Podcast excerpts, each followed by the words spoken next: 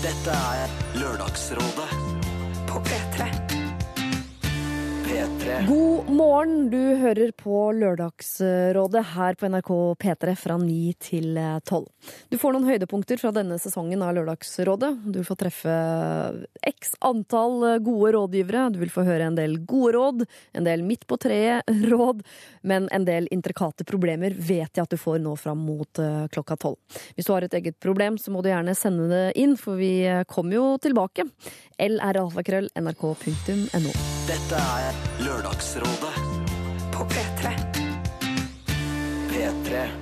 Du hører på Lørdagsrådet. Nå er det Daniel Kvammen, Egil Hegerberg og Solveig Kloppen som skal gi råd. P3.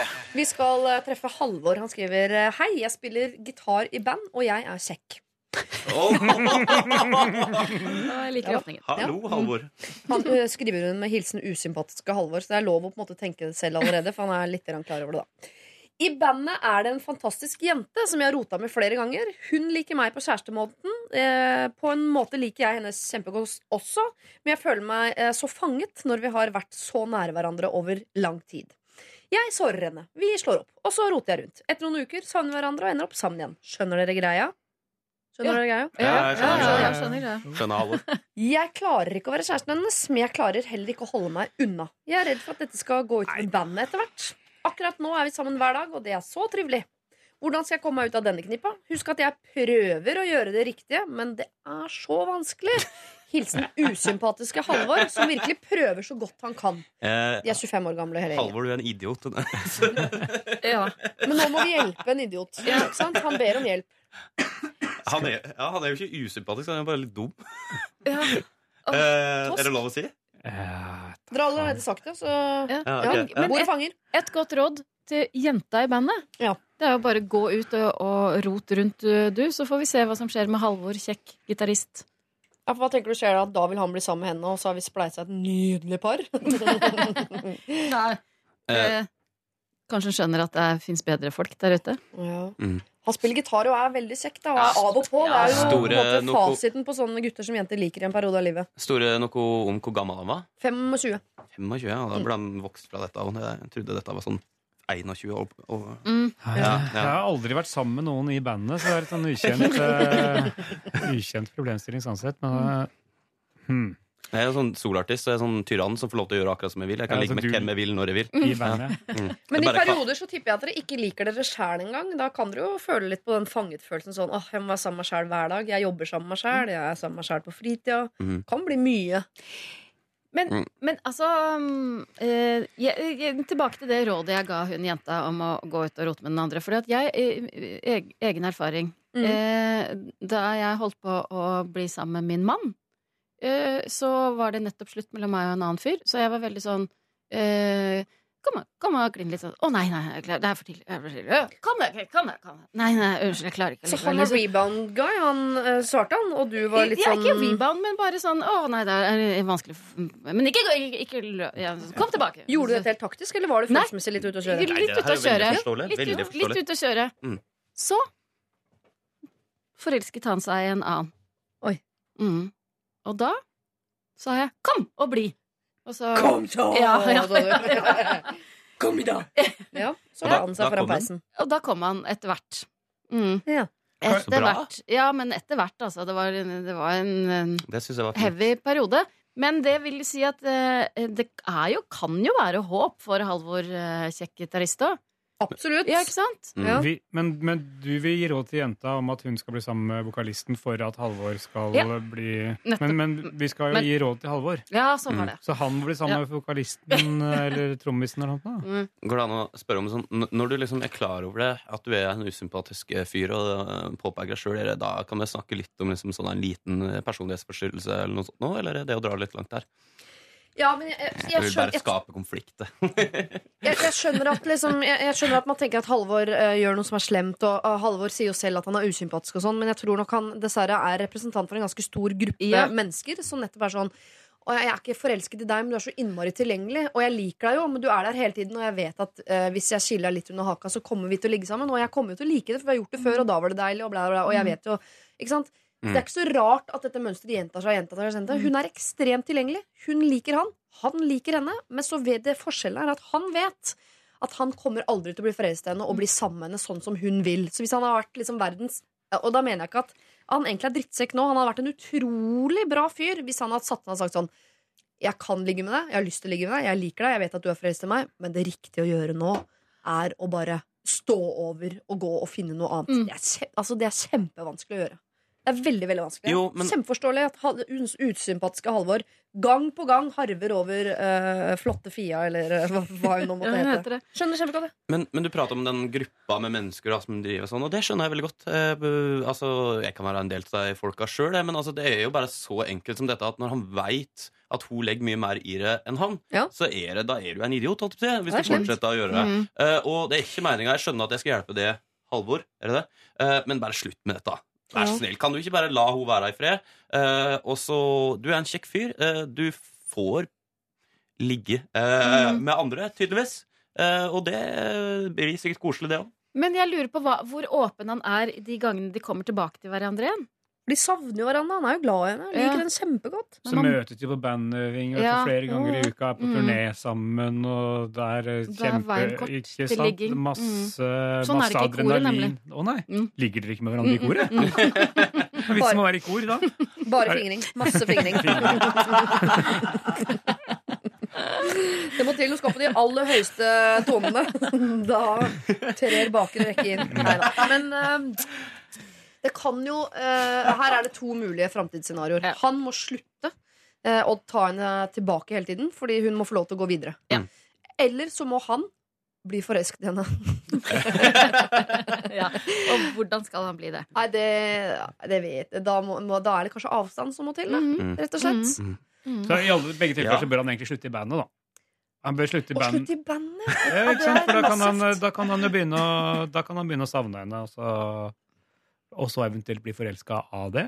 Eller så kommer han seg unna den dama som hele tiden mm. gjør, gir han dårlig samvittighet fordi at han utnytter henne. Mm. Så Slutt i bandet er, det, det er en win-win-situasjon. Ok, det er drastisk, dette her. Eh, det blir, Eh, den blir jo mer på de andre i bandet òg. Hvis han kjekke gitaristen er borte, så vil Mhm. bassisten endelig kunne få seg noe. Mm. Og er Ja, det ja. egentlig ganske lett å finne gode gitarister? Gitarister er det, Er det så jævlig jævlig mye Ja, av. det er jævlig mye Ja, det var det Men gitarister. Jo. Er det mange av dem? Ja. Ja. Ja. Han i bandet mitt er veldig sjarmerende. Ja, Altså. ja, Jeg vil sitter og tenker på sånn her Halvor nå. Jeg håper ikke han liksom spiller i et veldig sånn profilert band, så jeg faktisk ender opp med å møte han ute på liksom turné her nå. Så jeg får sånn juling. Highs og kites, står det. det er ikke sant. Mm. Halvor, jeg hører at du blir bedt om å slutte i dette bandet. Og det er selvfølgelig en veldig veldig god løsning, men den er jo ekstremt drastisk. Men hvis ikke du klarer å slutte å såre en du er eh, glad i, så kanskje det må drastiske tiltak til.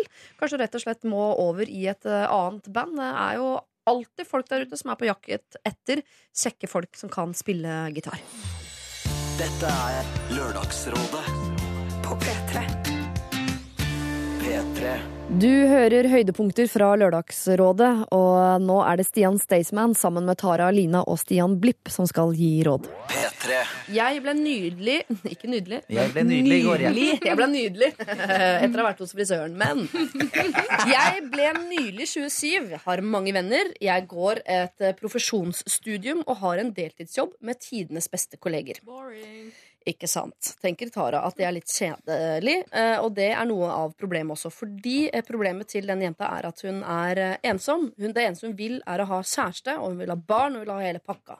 Har hatt kjæreste før, to og et halvt år, og så ble det slutt. De bodde aldri sammen. Og hun skriver rett ut at hun er ikke lykkelig som singel. Hun vil ha en å støtte seg på, en hun kan elske, som elsker henne. Og hun dater helt vilt mye. Hun bruker et uttrykk som er Skal se om jeg finner det her nå. Volume dating. Som jo forteller meg at hun dater mye, og hun dater fortsatt, men hun er i ferd med å gi opp. Så til det mannlige skjønn i panelet. Hvor raskt kan en kvinne på 27 år ta opp dette med videre løp? Hvor godt kjent bør man være? Skal jeg være tøff nok til å spørre gutten jeg har mest kontakt med om hva han føler om oss to? Hva skal jeg si? Eller skal jeg fortsette å være hun kule dama eh, til han får tent sin egen lyspære? Jeg vet at du, Siri, har god erfaring med å være ærlig og på på gutter. Jeg håper på, eh, så inderlig på ærlige svar. Vennlig hilsen Tine. Det vil si nå, gutta, Stian og Stian, dere må skjerpe sansene. eh, gå i dere selv og være ærlige på eh, hva dere liker at jentene gjør. Hvor kjapt de kan være ute med å eh, sette krav eller spørre om fremtid, spørre om oss og i det hele tatt. Mens du, Tara og jeg, vi kan slappe av litt. Grann. Legge oss litt eh, bakpå. Ta en liten pølsesnabb eller hva det måtte være vi skal kose oss med, mens gutta får kjørt seg litt. Grann. Men dere skal få lov til å tenke litt. Det kan være lurt når man er eh, mann. Nå så skal vi eh, hjelpe uh, Tine, dere, og det er først og fremst dere gutta, Stian og Stian, som jeg har bedt skjerpe sansene, fordi hun rett og slett spør rett ut til det mannlige kjønn i panelet. Hvor raskt kan en kvinne ta opp dette med det videre løp? Har dere kommet fram til noe eh, sånn tidsestimater på det? Ja, altså, jeg, jeg tenkte litt sånn tidligere først, da. For at, eh, hun, hun er veldig sånn Hun sier det at uh, hun, Nå er hun så klar for kjæreste, og hun dater 50 stykker, eller jeg vet ikke hvor mye som, ikke hvor mye som er i volumdating, men jeg skjønner at det fall, det er mye. Ja. Og så stiller hun spørsmål sånn ja, bør, bør jeg ta kontakt med han fyren som jeg liker best av de Det, det virker som et dårlig utgangspunkt for å finne seg kjæreste, da. For det at man er så voldsomt på søken at man, man nærmest leiter etter grunner til å kunne bli sammen med noen. Eh, Istedenfor det som kanskje av og til er det eh, eh, motstykket. At man, eh, man hele tiden eh, feiltester folk. At det er sånn, Kan jeg ta de med meg i offentlige sammenhenger? Ok, det funker. Ok, da kan vi gå litt videre. Funker de med foreldrene mine? Ok, da kan vi ta det litt videre. At man nesten leiter litt etter feil, da. Mens her, her føler jeg det nesten er sånn Hun prøver å finne alle mulige grunner til at dette her er Manios liv. Da. Og det mener jeg er feil måte å gå å tilnærme det på. Mener jeg. Ja. Hva tenker er- tenker du, Staysman? Jo, jeg, jeg, jeg, Over til Staysman. jeg tenker at kanskje hun bør Jeg vet ikke alderen, alderen på de eh, mennene hun dater. Nei, men jeg, vi må anta at det er samme alder. da, Mellom 27. 19 og 33. Høres jo litt ut som hun har daddy issues, da.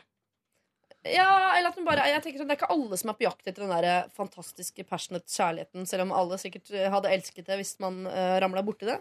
Men noen vil bare ha det livet som er sånn Jeg vil ha det huset, den mannen, de barna, den bilen. Jeg vil bare ha den pakka der. Men- Og det oppfatter jeg at Tine egentlig vil. Gå etter skilte menn på rundt 40. Wow. Uh, ja, ja, ok. Ja, men altså, ja, Ja, men, Hva er begrunnelsen? Hvorfor? jo, altså en, en skilt mann på rundt 40 da, som kanskje er barnløs, Ja. han begynner å merke klokka tikker. Mm. Og, og skilte menn på rundt 40 de er ofte såpass etablerte at de har et hus og de har en ålreit bil, og de har begynt å betale ned lånet sitt for eh, 15-16 år siden. Ja. Og er etablerte og trygge. Og sånn som verden har blitt nå, altså det, det tar jo lenger og lenger tid før folk får den derre Nå skal jeg lage familie. Ja. Nå er det jo folk skal være ja, nesten 40 før de begynner med det. Mm. Og jeg tenker eh, at det er kanskje veien å gå. At du sikter deg inn på et litt annet marked enn dem på sin egen alder. Ja. Nå beskriver du jo nettopp det jeg har eh, gjort. Gikk for altså en mann uh, oppimot 40, Mm. uh, nylig singel med rekkehus. Altså Pakka var klar. Var bare å rykke inn med lysestakene Ja, ja. sine og Ferdig åpne opp eggstokkene. Men det lå i instinktet ditt, ikke sant? At det lå i instinktet mitt. Ja. Uh, Eller, eller i latskapen min. ja, uh, jeg fant eh, Altså, jeg falt pladask for han. Ja. Det var ikke det kyniske studiet i et laboratorium. Det var det ikke. Det var ikke rekkehuset. Nei, jeg falt ikke for rekkehuset. Det kvitta jeg meg. Det var det første jeg kvittet meg stilt, opp ti, stilt opp ti stykker. Så sånn, ok, Han har rekkehus, ok, men han her har bare en hybel. Skal vi se, da blir ikke det han. Men jeg, jeg, jeg er jo Jeg vet ikke. Jeg, jeg er jo kanskje litt uenig med nesten alle her, men jeg, for jeg mener det der med, Jeg, jeg syns ikke sånn forhold skal være noe man jakter bare fordi at det er et forhold. Måte, sånn, sånn. For det virker som man bare sånn Ok, nå er jeg 26 år. Nå er jeg tvungen til å ta et neste steg i livet. Og hva er neste steg? Jo, det er hus og barn og alt mulig. Og så, så jakter man det bare fordi at man føler at det er neste level i dette spillet, som er livet. Hun har sikkert mange venninner som har begynt å bli etablert. Ikke Sikkert. sikkert Og så bor hun sikkert ikke i Oslo heller. Nei, bodde ikke hun i Sto det hvor hun bodde? Jeg vet ikke om det betyr noe. Men eh, Våga. Men da snakker jo, og det gjør man jo alltid, man snakker ut fra uh, seg selv og sine erfaringer og sine behov osv. Men det er jo mange som nettopp uh, Som ikke tenker at de, de må til neste steg. De vil. Jeg har fra jeg var 17 år hatt lyst til å være 33, for jeg har gledet meg sånn til det der 33 og hus og mann og barn og sånn. Har, det har jeg villet ha. Mm. Og det tror jeg Tine også er en sånn jente som Jeg vil ikke gå rundt og være sånn lykkelig singel, ha det gøy på byen og sånn. Jeg har lyst på den pakka. Jeg har lyst til å elske noen som elsker meg. Og har lyst på barn og alt, men hun vil ha det, og da kanskje man må gå litt mer sånn For, for nå så syns jeg at hun åpenbart gjør et eller annet feil. Hvis hun har data 50 menn og ikke Ja. altså, altså Ting funker jo ikke. Og så kanskje bryte litt med det mønsteret hun har, da, og kanskje teste ut noe annet. Gå kanskje andre steder og søke der. Altså, jeg er litt også sånn Det Stian sier, altså det er jo det gir jo mening at man ikke skal på en måte pushe det. At man på en måte Jeg skal ha barn, jeg, så jeg må bare finne en som vil gi meg det. Var det Tiril hun het? eh, Nei, Tine. Tine. Mm. Tine, du må ikke gå for shortcuten. Det er det hun gjør. Hun hopper jo over altså, det mest liksom det, eh, det fornuftige i det. Hun skal bare rett til eh, premien. Ja, ja, men Og jeg, det jeg, funker føler, ikke. nei, jeg føler litt det samme. Altså. Det er sånn, jeg vil ha det. Ok, her er en fyr. Han virker litt grei.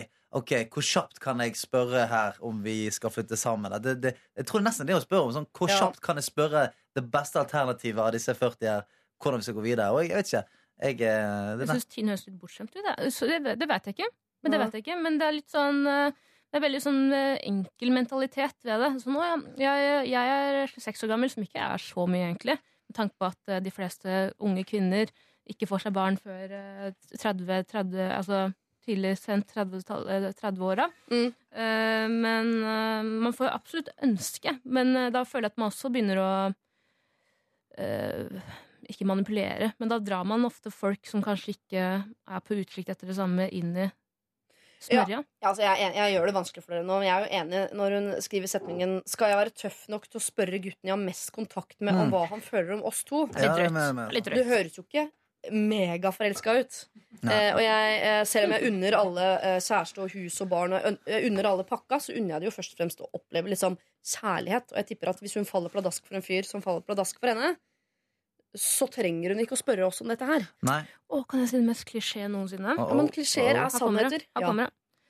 Kjærligheten kommer når du minst venter det. Så hun må rett og slett bare slette Tinder. Ja. Ikke, for, ikke bare forvente at det kommer på, liksom, på døra. Jeg vet ikke hvem som kommer på døra. men, Må bestille mye pizza. ja. Hei, du. eh, Er det ekstra kjærlighet på den pizzaen? Og bare, det må bare komme uten at hun på en måte går, prøver så jævla hardt. Da. Ja. Og Det er så jævlig irriterende med sånne mennesker. òg, For hun har liksom jeg har sånn og sånn jobb, jeg har det og det livet, jeg har sånn og sånn, og trenger jeg bare den siste delen, og det er mann og hus. Hvorfor, hvorfor må du ha det nå? Kan du ikke vente litt, i hvert fall? ja, men hun er ensom, og hun vil ha kjæreste. Og det kan Ja, men det er så være- bullshit med folk er- som sier at de er ensomme. De Når er selvdestruktivt. Når man roer seg ned Altså, det, det her er den teorien, og nå skal jeg bare ta litt, uh, en liten teori. Ja. eh, at når man uh, ikke rydder leiligheten Når jeg var singel, ikke rødde leiligheten, leiligheten ser helt jævlig ut, Ja. og man drar på byen og har ikke noen intensjoner om å få med seg dame hjem, da får man dame hjem. Ja. Og det er litt den samme teorien du kommer med. Mm. At hvis du bare roer litt ned, og bare at, eh, lener seg litt tilbake, så brått skjer det. Ja. Det er ikke sikkert det skjer i dag eller neste år eller om to år, men brått så kommer det. Jeg kan Ja. jo dra den teorien der inn i kroppen min på en eller annen måte og bare legge til et lite, en liten detalj som jeg tror jeg ikke har pleid å ta med når jeg forteller historien om meg og min lokfører, som, jo, eh, som jeg jaktet på i åtte år til jeg fikk Oi. han. Oi. Det jeg gjorde annerledes på runde nummer 100 etter åtte år der, var jo at jeg skrøyt på meg mensen.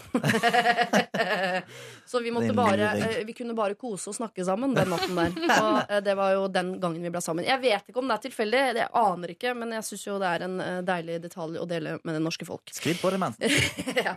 Tine, eh, jeg skjønner at du er ensom. Jeg skjønner at vi har kjæreste og barn.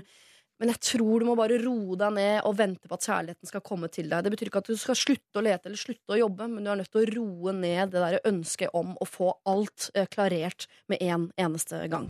P3. Vi prøvde å hjelpe en som heter Tine for en uke siden.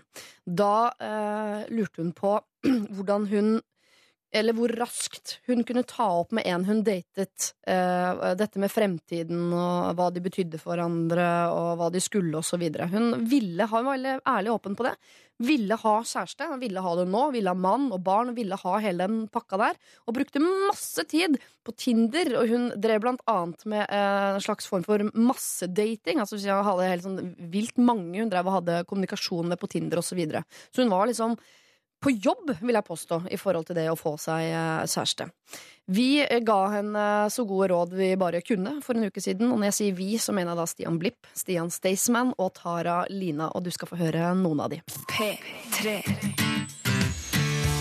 Hun prøver å finne alle mulige grunner til at dette her er Manios liv. Og det mener jeg er feil måte å gå, til. Det tar jo lengre og lengre tid før folk får den derre Nå skal jeg lage familie. Ja. Nå er det jo folk skal være ja, nesten 40 før de begynner med det. Tine, du må ikke gå for shortcutten. Det er det hun gjør. Hun hopper jo over altså, det mest liksom det, eh, det fornuftige i det. Hun skal bare rett til eh, premien. Ja, ja, men jeg, jeg, føler, nei, jeg føler litt det samme. Altså. Hun må rett og slett bare slette Tinder. Ja. Ikke, for, ikke bare forvente at det kommer på, liksom, på døra. Jeg vet ikke hvem som kommer på døra. Må bestille mye pizza. ja. Hei, du. Eh, Er det ekstra kjærlighet på den pizzaen? Dette er Lørdagsrådet på P3. P3. Vi har fått en eh, ny mail fra denne Tine, og hun skriver Jeg hørte på dere live, så gøy! Etter jeg fikk tipset, så slettet jeg både Tinder og jeg slettet samvittigheten. Jeg bestemte meg for å me være mer kesera-sera når det gjelder kjærligheten, og bruker tid på andre ting. Jeg trenger en realitetssjekk eller en klapp på kinnet. Jeg vil fortsatt ha en kjæreste fordi jeg er klar for det og snart skal ut i arbeidsmarkedet, og det ene passer godt med det andre. Og ikke fordi jeg er 27. Men dette er ikke bare under min kontroll. Jeg har blitt eh, bedre kjent med en fyr jeg møtte på Tinder før jeg slettet den. Det er både koselig og rolig, og jeg er ikke bekymret eh, for at han bare ser etter et ligg. Vi får se hvordan det går, men jeg er ikke bekymret. Tusen takk, Lørdagsrådet. Hilsen eh, Tine. What will be, will be. Det er kanskje ikke alle som er så kjent med en Kesera Sera uh, What will be, what will be-låta. Denne er bare å finne og høre på. En ganske artig liten låt. Men så fint, eh, Tine. Nå er det ikke sånn at vi vil at folk skal slette Tinder-profilen sin, altså, men når den blir så altoppslukende for folk, som den har vært for Tine, at det er på en måte det eneste som gjelder, så kan det være fornuftig å i hvert fall ta en eh, pause. Nå virker det som ting er litt på stell for deg også, Tine, og det er jo eh, fint, men du er fortsatt litt opptatt av at ting skal passe. Det virker som om kjærligheten er litt matematisk for deg. Altså, det ene passer med det andre, og nå skal jeg dit, og er sånn og sånn, og det altså, Det er akkurat som du vil at det skal gå opp som et slags puslespill. Og kjærligheten er vel egentlig ikke et eh, puslespill. Men du er på vei, og det er positivt. P3. Dette er Lørdagsrådet på P3. P3. Vi skal uh, rushe videre med et eh, nytt, uh, mer praktisk problem, vil jeg påstå. Rådgiver i dag er uh, Line Elvsåshagen, Henrik Fladseth og Nicolay Ramm. Kjære Lørdagsråd, jeg er veldig glad i å spille på Røde Kors sitt pantelotteri. Jeg får alle flaskene i kollektivet og samler innimellom med meg et par fra lesesalen, på jobb eller hos mine foreldre. Problemet er at jeg er fysen på naboens panteflasker. I trappeoppgangen i blokka der jeg bor, er det vinduer ut mot bakgården. Og hver dag når jeg går opp til leiligheten min, kan jeg se to store søppelsekker ute på balkongen til de som bor under meg. To store søppelsekker med flasker. Disse har stått der siden jeg flyttet inn i august, og for hver uke de ikke har pantet dem selv, føler jeg mer og mer at det ville være nærmest en tjeneste om jeg tok det fra dem. Vi har tilgang på naboens balkong via branntrapp, så selv gjennomføringen kunne lett ordnes. Da jeg snakket mye om dette i vinter, tvang en av jentene i kollektivet meg til å spørre de, istedenfor å bare stjele de. Så jeg spurte om de ville støtte Røde Kors og gi meg flaskene sine. De sa nei. De er et sted fra Øst-Europa, og jeg lurer på om de ikke helt skjønte hva jeg sa, men de sa nå uansett nei. Og hvis flaskene plutselig forsvinner, da er det vel ganske åpenbart hvem som har tatt dem. Skal også nevnes at jeg flytter ut om seks uker, så jeg kan jo rømme fra dem ganske kjapt etter dette brekket. Hva syns dere jeg skal gjøre? Ved vennlig hilsen Panteren. Hva ville du gjort, Henrik Altså, det første jeg tenker, er å holde eh, dette mennesket langt unna Unibet og disse verstingene, altså. Fordi hun er jo her, hvis, hvis hun ryker på Hvis hun begynner å spille på spilleautomater på Narvesen og sånn, så tenker jeg at det kan gå skli helt ut. Du tenker at vi her har med en potensielt spillegal å gjøre? Ja, Ja. absolutt. At det er avhengighetsskap? Her bør du bare ta det rotet og prøve- prøve å, å gi deg, altså. Ja, du tenker preventivt, du. Ja. Ta, gjør dette som en øvelse. Se om du kan la være. Så om noen år så sier hun ja, det starta med flaskene og lotteriet på Og så skjærer det seg helt. Og så sklei det ut, ja. Så nå, nå, nå driver jeg med hundefighting og sånn Hanekamp Hanekamp, ja. ja, kanskje det. Nei, hva var spørsmålet? her? Hva var det egentlig? Nei, Hun øh, spør jo rett og slett om øh, lov til å stjele to søppelsekker med flasker. Og det er jo på en måte søppel, eh, men det er jo også en økonomisk gevinst i det. Potensielt. Altså vinner, da. Eh, hvordan er det med ditt moralske kompass, Nikolai? Nei, det er eh, klart som dagen. Jeg gjør ikke noe gærent, jeg. Ja. Og det syns jeg ikke hun skal gjøre heller. For altså Hvor mye er det? To søppelsekker med panteflasker? Du kan vinne én million på lotteriet! Aller mest sannsynlig så putter hun den lappen inn, og så gir hun 35 kroner eller noe sånt til Røde Kors. Hurra. Ja. La det være, da. Må hun ha de flaskene? Kan hun ikke legge det fra seg? Jeg, jeg tar aldri den der lotteriet, for jeg vet at det er så liten sjanse for å vinne noe som helst. Ta og Les litt statistikk, du, jenta mi. Ja, du tar heller de 35 kronene. Ja. Ja. Det er fornuftig. Man kan vel bare støtte også, se på det som fordi eh, Når jeg leser dette problemet, så må jeg innrømme at jeg, jeg tenkte ikke så mye på det der Han skulle spille og vinne og sånn. Jeg tenkte sånn, Her er det en som har lyst til å støtte Røde Kors. Nå virka jeg Det, helt jo, det står masse penger eh, og råtner på en veranda et eller annet sted. Så gjør verden en tjeneste. da. Rydde opp ett sted, det er en tjeneste. Og så gir du penger til noen som trenger det et annet sted. Det er to tjenester. Og så fluffer du selvfølgelig ditt eget spillegalskap litt grann der. Så da, da får du noe ut av det også. Tre fluer i en smekk. Jeg altså, hun flytter om seks uker. Dette er et enkelt problem. Klatre opp på den balkongen. Jeg, er uten tvil, Og det hun eventuelt kan gjøre for å kompensere litt dersom hun vinner noe på Røde Kors, er jo hvis naboen da tenker at å, ja, det er sikkert du som ringte på og sa et eller annet sånn panteflasker, så kan hun jo sende de en liten eh, eh, et, li- et lite penger tilbake hvis hun vinner. For eksempel å si sånn du, det var jeg som stjal flaskene, men Takk, jeg vant faktisk takket være dere, og her får dere en liten kompensasjon fra min pengepott. For eksempel. Ja. Og hun kommer jo aldri tilbake igjen uansett, så det er jo ikke noe å tenke på, spør du meg. Og, eh, jeg pleier også å si til meg sjøl ja, men nå er du snill og gir veldedig, men det handler egentlig bare om at ofte at jeg håper på den ene Nei, da skulle jeg kanskje ikke si det, men ene millionen. Ja. Jeg er veldig glad for at det er til veldedighet. Det er bra. Er hun avhengig av å støtte Røde Kors, eller er hun avhengig av den der eh, gevinst, eh, potensielle gevinsten? spenninga. Jeg tror nok det er Røde Kors. Jeg tror ikke det. Hun er helt avhengig av å støtte Røde Kors. Men hvis hun er glad i den der lille spenning altså hun, helt, hun gir jo til et veldedig formål, samtidig så får hun en liten spenning i hverdagen.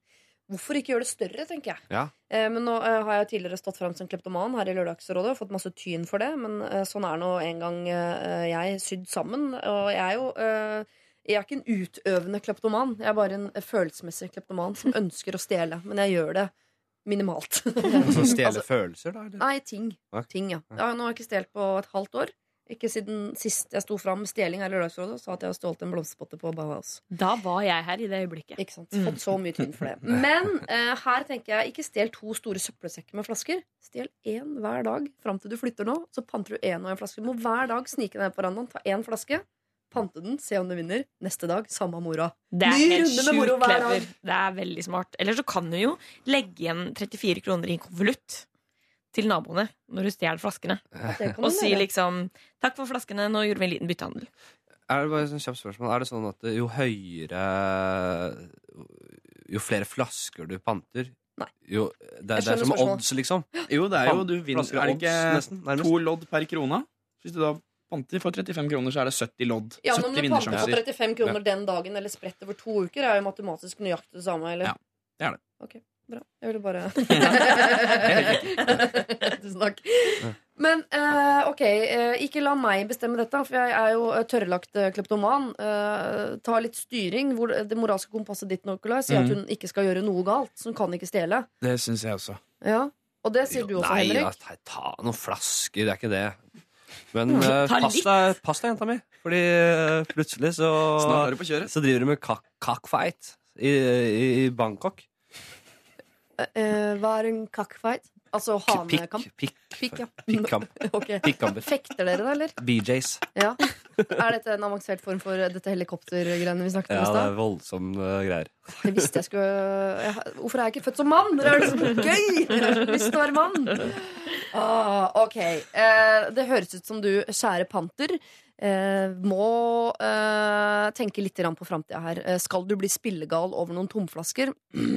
Vet ikke. Er det verdt det? Antageligvis ikke. Hvis du ønsker å støtte Røde Kors, så syns jeg du har muligheten til å støtte Røde Kors samtidig som du litt sånn, eh, et behov for noe spenning i hverdagen. Og du rydder jo faktisk også hos eh, naboen.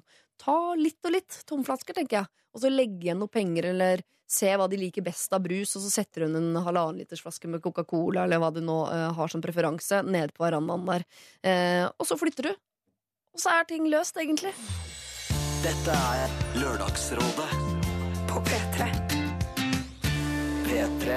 Du hører på Lørdagsrådet, høydepunkter derfra. Og nå er det Linnea Myhre, Ken Vasenius Nilsen og Mats Eldøen som er eh, rådgivere. P3. Eh, nå skal vi snakke om penger. Er, er dere glad i penger, folkens? Jeg skulle ønske jeg var mer glad i det, sånn at jeg brydde meg litt mer om det og var flinkere med dem. Men ellers så Ja. er det greit.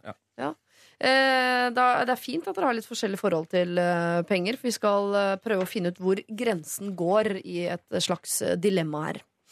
Det er eh, egentlig et spørsmål som kom inn til eh, P3 Morgen. dette her. Ja. Eh, P3 Morgen har videresendt det til oss, for de, har jo, de er morsomme og flinke som de har ikke kompetanse på rådgivning. Men de har en fast lytter som fant en hundrelapp på gata, tok den, og lurer nå på hvor mener dere grensen går når man finner penger på bakken?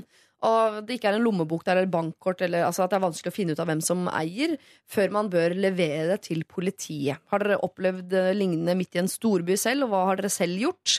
Jeg har funnet opp til og med 200 kroner som jeg har beholdt fordi det lå uten lommebok. Eh, Men det er alltid med litt dårlig samvittighet. Og så kommer det vel litt an på hvor man finner pengene også. Keep up the good work. Dere er hel- herlige. Det er jo da ikke dere, men Nei. det er P3 Morgen. da. Ja, Eh. Klem fra fast lytter. Ikke da oss antagelig, men av, av P3 Morgen. Mm.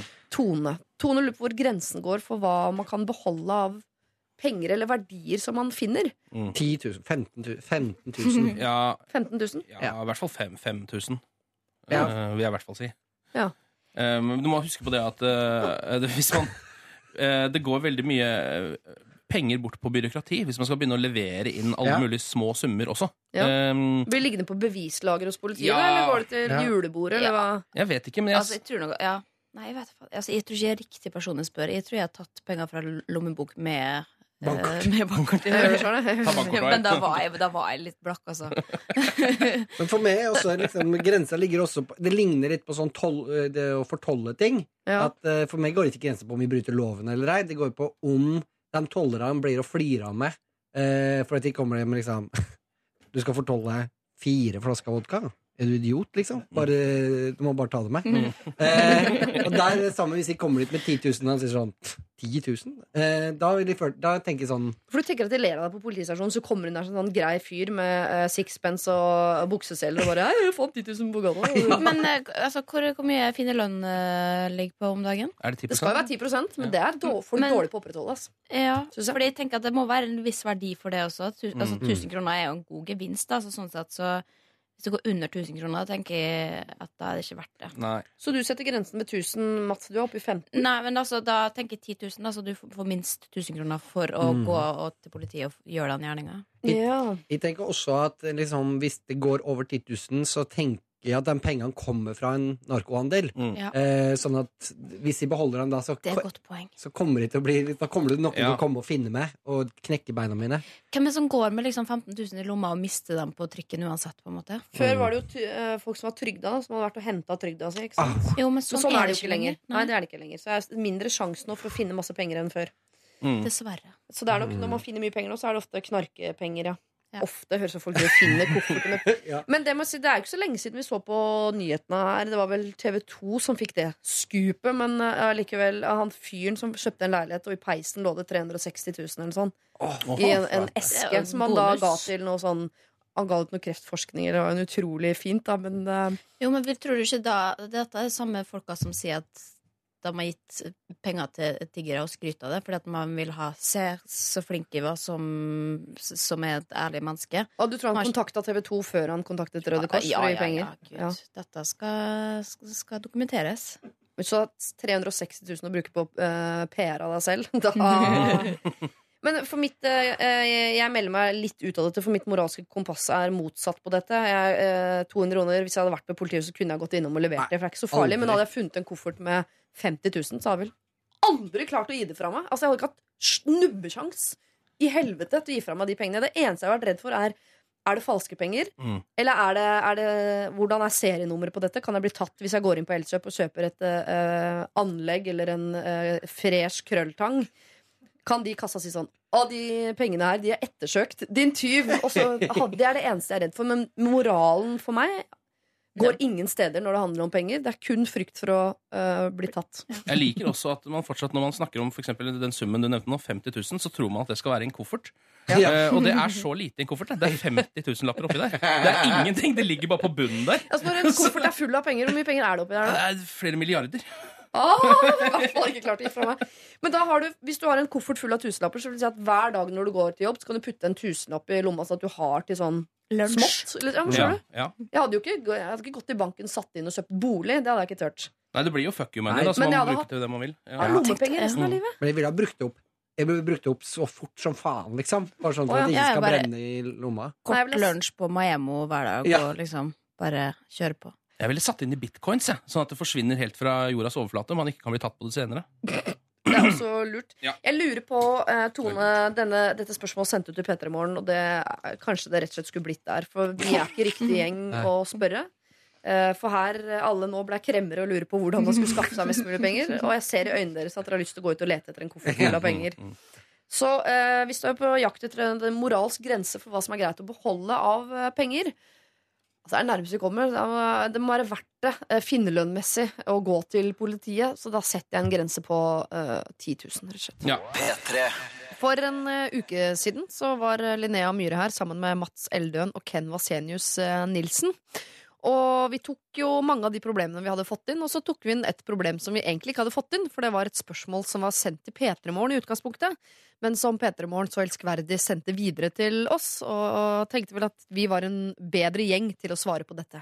Om vi var det, det er jeg litt usikker på nå, sånn i retrospekt, eh, men vi gjorde så godt vi kunne eh, med de eh, moralske kompassene vi jo har til enhver tid.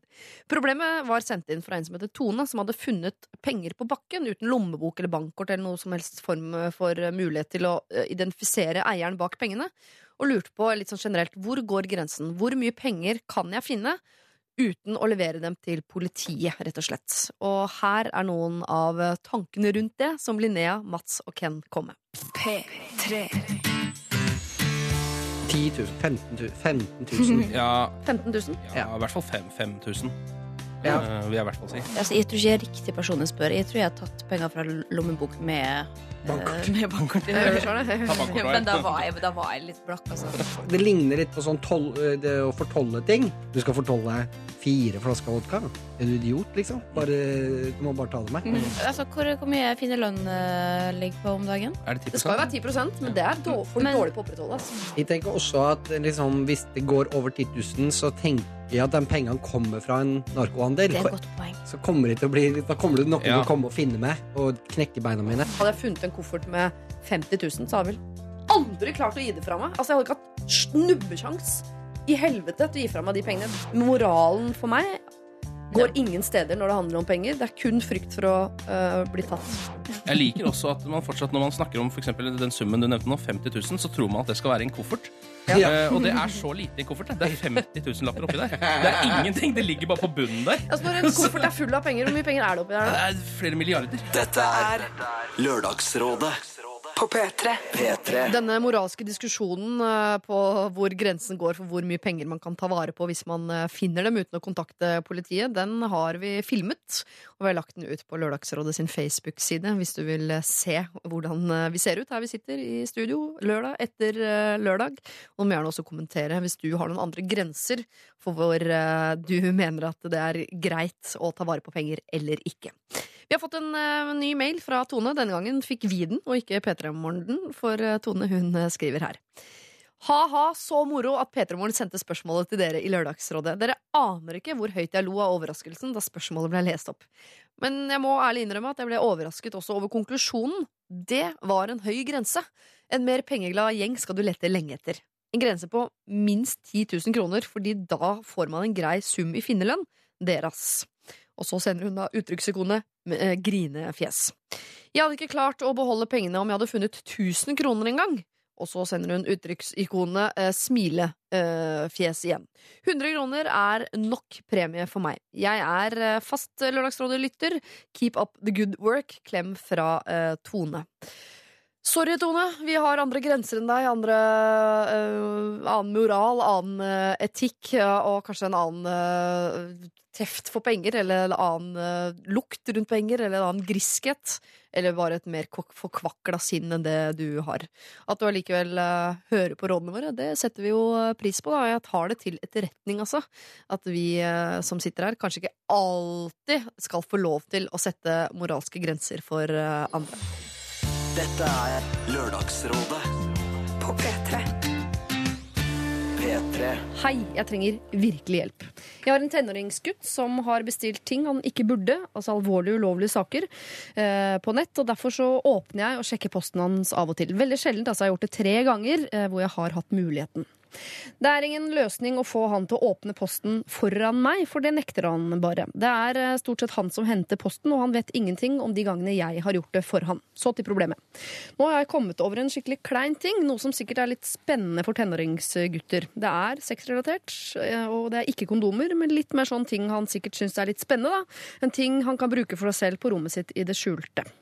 Jeg fikk sjokk når jeg åpnet pakken, men roet meg etter hvert ned og tenkte at dette er sikkert helt vanlig for gutter i den alderen, og jeg gjemte den fort bort. Og nå spør han stadig om, jeg, om det har kommet en pakke til han i posten, og jeg sier nei. Og jeg kan jo ikke for all del fortelle han uh, at jeg har åpnet den pakken, uh, og han går og venter. Skal jeg kaste den, så blir jo det litt mistenkelig. Skal jeg pakke den inn i nytt, på nytt, så blir jeg jo avslørt. Og dette er jo bare kleint. Jeg vil jo for all del ikke at han skal få vite om dette, for det blir forferdelig for oss begge. Det beste hadde vært om jeg bare kunne lagt pakken inn på rommet hans uten at han kunne se at den var åpnet, og late som ingenting. Hva syns dere jeg skal gjøre her? Pia. Først sier hun at han har bestilt ulovlige ting, Ja. og nå var det sexleketøy. Ja. Ok, så det er begge deler. Ja, det virker som hun syns dette strikketøyet er vanskeligst. Og, og Ja. på en måte, hvis det er ulovlig, om det er kastestjerner eller hasjis, eller hva det er for noe, så kan man på en måte kjefte. Skjønner. Men du Ja, kan ja. ikke kjefte for en oppblåsbar dukke eller hva det Eller måtte en være. gummislufs av noe slag. Ikke, eller det jeg nå har lært at heter en termos. Ja, ikke Mm. sant? Eller, eh, ja, riktig. Lommelykt. Lommelykt var det. Mm. Ja, ja, men ja, skjønner. lommelykt. Flashlight, vet du. Ja. Kommer i lommelyktforpakning. Ja. Spør meg. mobil, eh, mobil uh, gummidame. Men dette og så videre. gjorde tydeligvis ikke denne, denne tingen, da. Kom ikke i sånn lommelyktforpakning. Nei, for da hadde hun trodd det var en lommelykt. ikke sant? Eh, Hva skal Pia gjøre her? Det er jo, som hun sier, veldig veldig kleint for henne, og ikke minst også veldig veldig kleint for sønnen når han skjønner at mor vet. Jeg, jeg må bare spørre, er, kan vi anta at hun her nå bruk, legger inn dette med at han har bestilt en del ulovlige ting, som en unnskyldning, både kanskje ubevisst for seg selv, for å legitimere at hun driver og åpner all posten hans? Det kan nok hende at hun gjør, for du tenker at det har ikke hun rett til? I utgangspunktet så begynner jo det å bli litt Nå vet du ikke om han er 13 eller 19, Nei. Uh, og det skulle jeg gjerne visst. Han er sikkert under 18, det er jeg helt sikker på. Men så lenge hun bor under han, hennes tak, så må han følge hennes regler, og regelen er at her åpner man hverandres post. Kan hun jo f.eks. finne på å tenke eller mene, da. Ja, altså Diktat, diktat, i, som Hvis du er diktator, så kan du lage regler som er eh, Selvfølgelig. Men eh, er det greit? Ja, vi kan godt ta en runde på det om man syns det er greit at man åpner posten til barna sine. Uh, Hvis man er bekymra fordi at han har bestilt ting før som er direkte ulovlig, da hvis man noe skal hun jo ikke vet før hun åpnet første gang, da. Nettopp. Uh, Men da har hun et mistillitsforhold til sønnen også. Altså, jeg tror Enhver mor er vel bekymra for tenåringen sin. Mm. Eh, Hun har vel kanskje tråkka litt over akkurat her. Her sitter hun jo litt i en dilemma.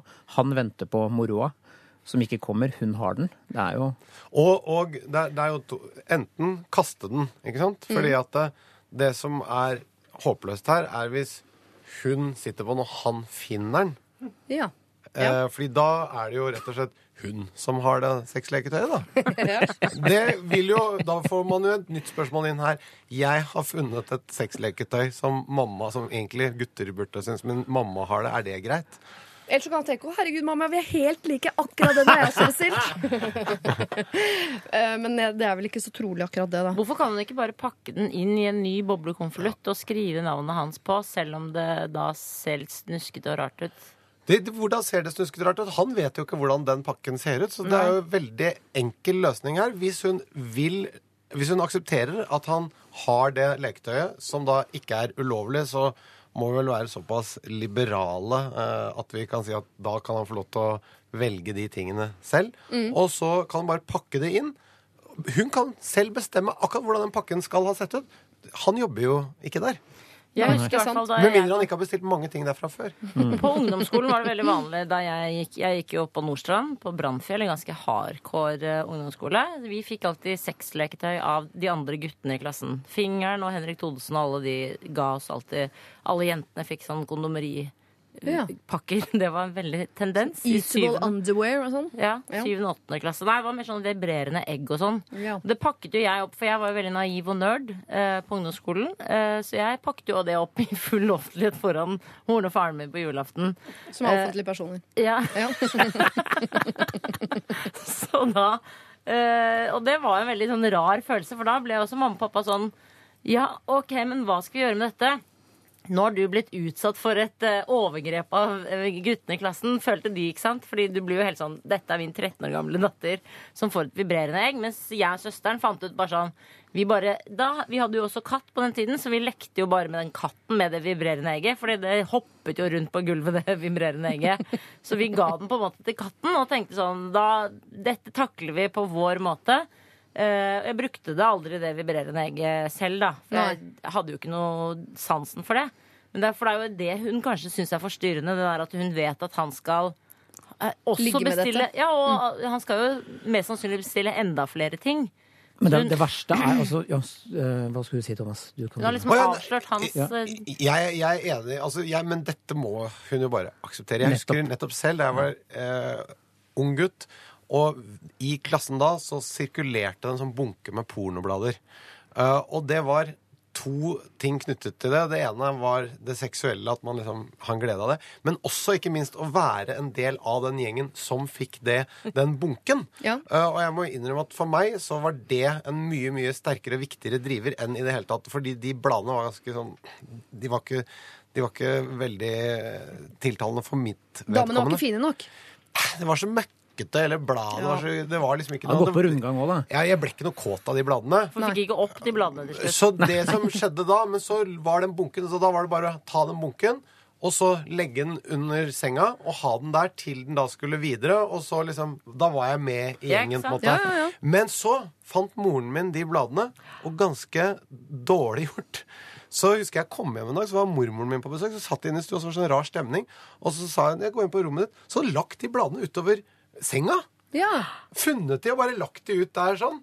Å nei! Hva er det for en litt sånn For å eh, Det er akkurat det gjorde mora mi også. Hva gjorde det med ja, dere? det gjorde det! Hva gjorde det hun, med dere? fant, hun fant litt sånn hardcore-magasiner, og så la det fram sånn Her, dette har jeg funnet. Oi! Det er forferdelige ting å gjøre. Ja! Det er og et var- overgrep. Og det satte meg bare i forlegenhet. Ja, det nettopp. skaper bare avstand. Ja, Mm. nettopp. Og det er så bra dere sier det nå, og, fordi mitt, eh, min første tanke var nemlig hvorfor legger du det ikke bare på senga hans, så er du kvitt ditt problem, og det er, problemet er hos han, og blir kleint for han istedenfor for Men deg. det er og ingen skulle som være er det skaper Men da avstand. tok jeg Det, skikkelig og det er hele problemet her. Det er, det er, en, en, en mistillit mellom de to. Hun må gjenopprette tilliten. Ja. Eh, Det er ikke sikkert hun kan gjøre det, men hun kan i hvert fall unngå å ødelegge den ytterligere. Hvis det er sånn at han har bestilt ting derfra før som gjør at han kjenner igjen forpakningen, så vil jeg bare pakket inn på en helt ny måte som ser profesjonell Så vil jeg lagt inn på, Du kan jo få til med printer, design, og så skrive 'Kjære kunde'.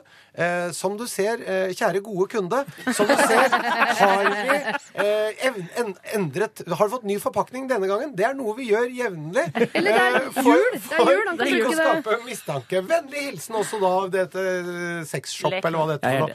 Da har det, det, det kan de få en troverdig eh, løsning, og da kan de komme i hvilken som helst forpakning etterpå. Han vil ikke stusse. Hvis vi først er inne på det praktiske, så kan jo hun sende retur til dette firmaet. Så tenker de sånn Å ja, men han har jo betalt for denne eh, lommelykta, og så sender de det på nytt til han, og da Det- åpner hun det ikke. Det tror jeg ikke de Men hun må la Nei, gjør sønnens kanskje. seksualitet være i fred. Ja. Fordi at i den alderen så er du fryktelig nysgjerrig. Ja. Og ja, du blir trigga til å kjøpe sånne ting. Det der må hun bare akseptere, da. Ja, men så Ja. bra. Dette er så godt råd for Ja, men selvfølgelig må hun det. For hvis du gjør sånn som mødrene våre gjorde, og liksom sier sånn 'se hva jeg fant, skam deg', Ja. så blir det bare kleint. Er sånn, og jeg vil heller ikke ha den samtalen 'ja, vi vet jo at gutter på din alder liker å være gode mot seg selv'. Altså, Du vil ikke ha den heller. Du vil, ha, du vil bare være i fred. La han være i fred, og så pakke inn på nytt. Helt enig.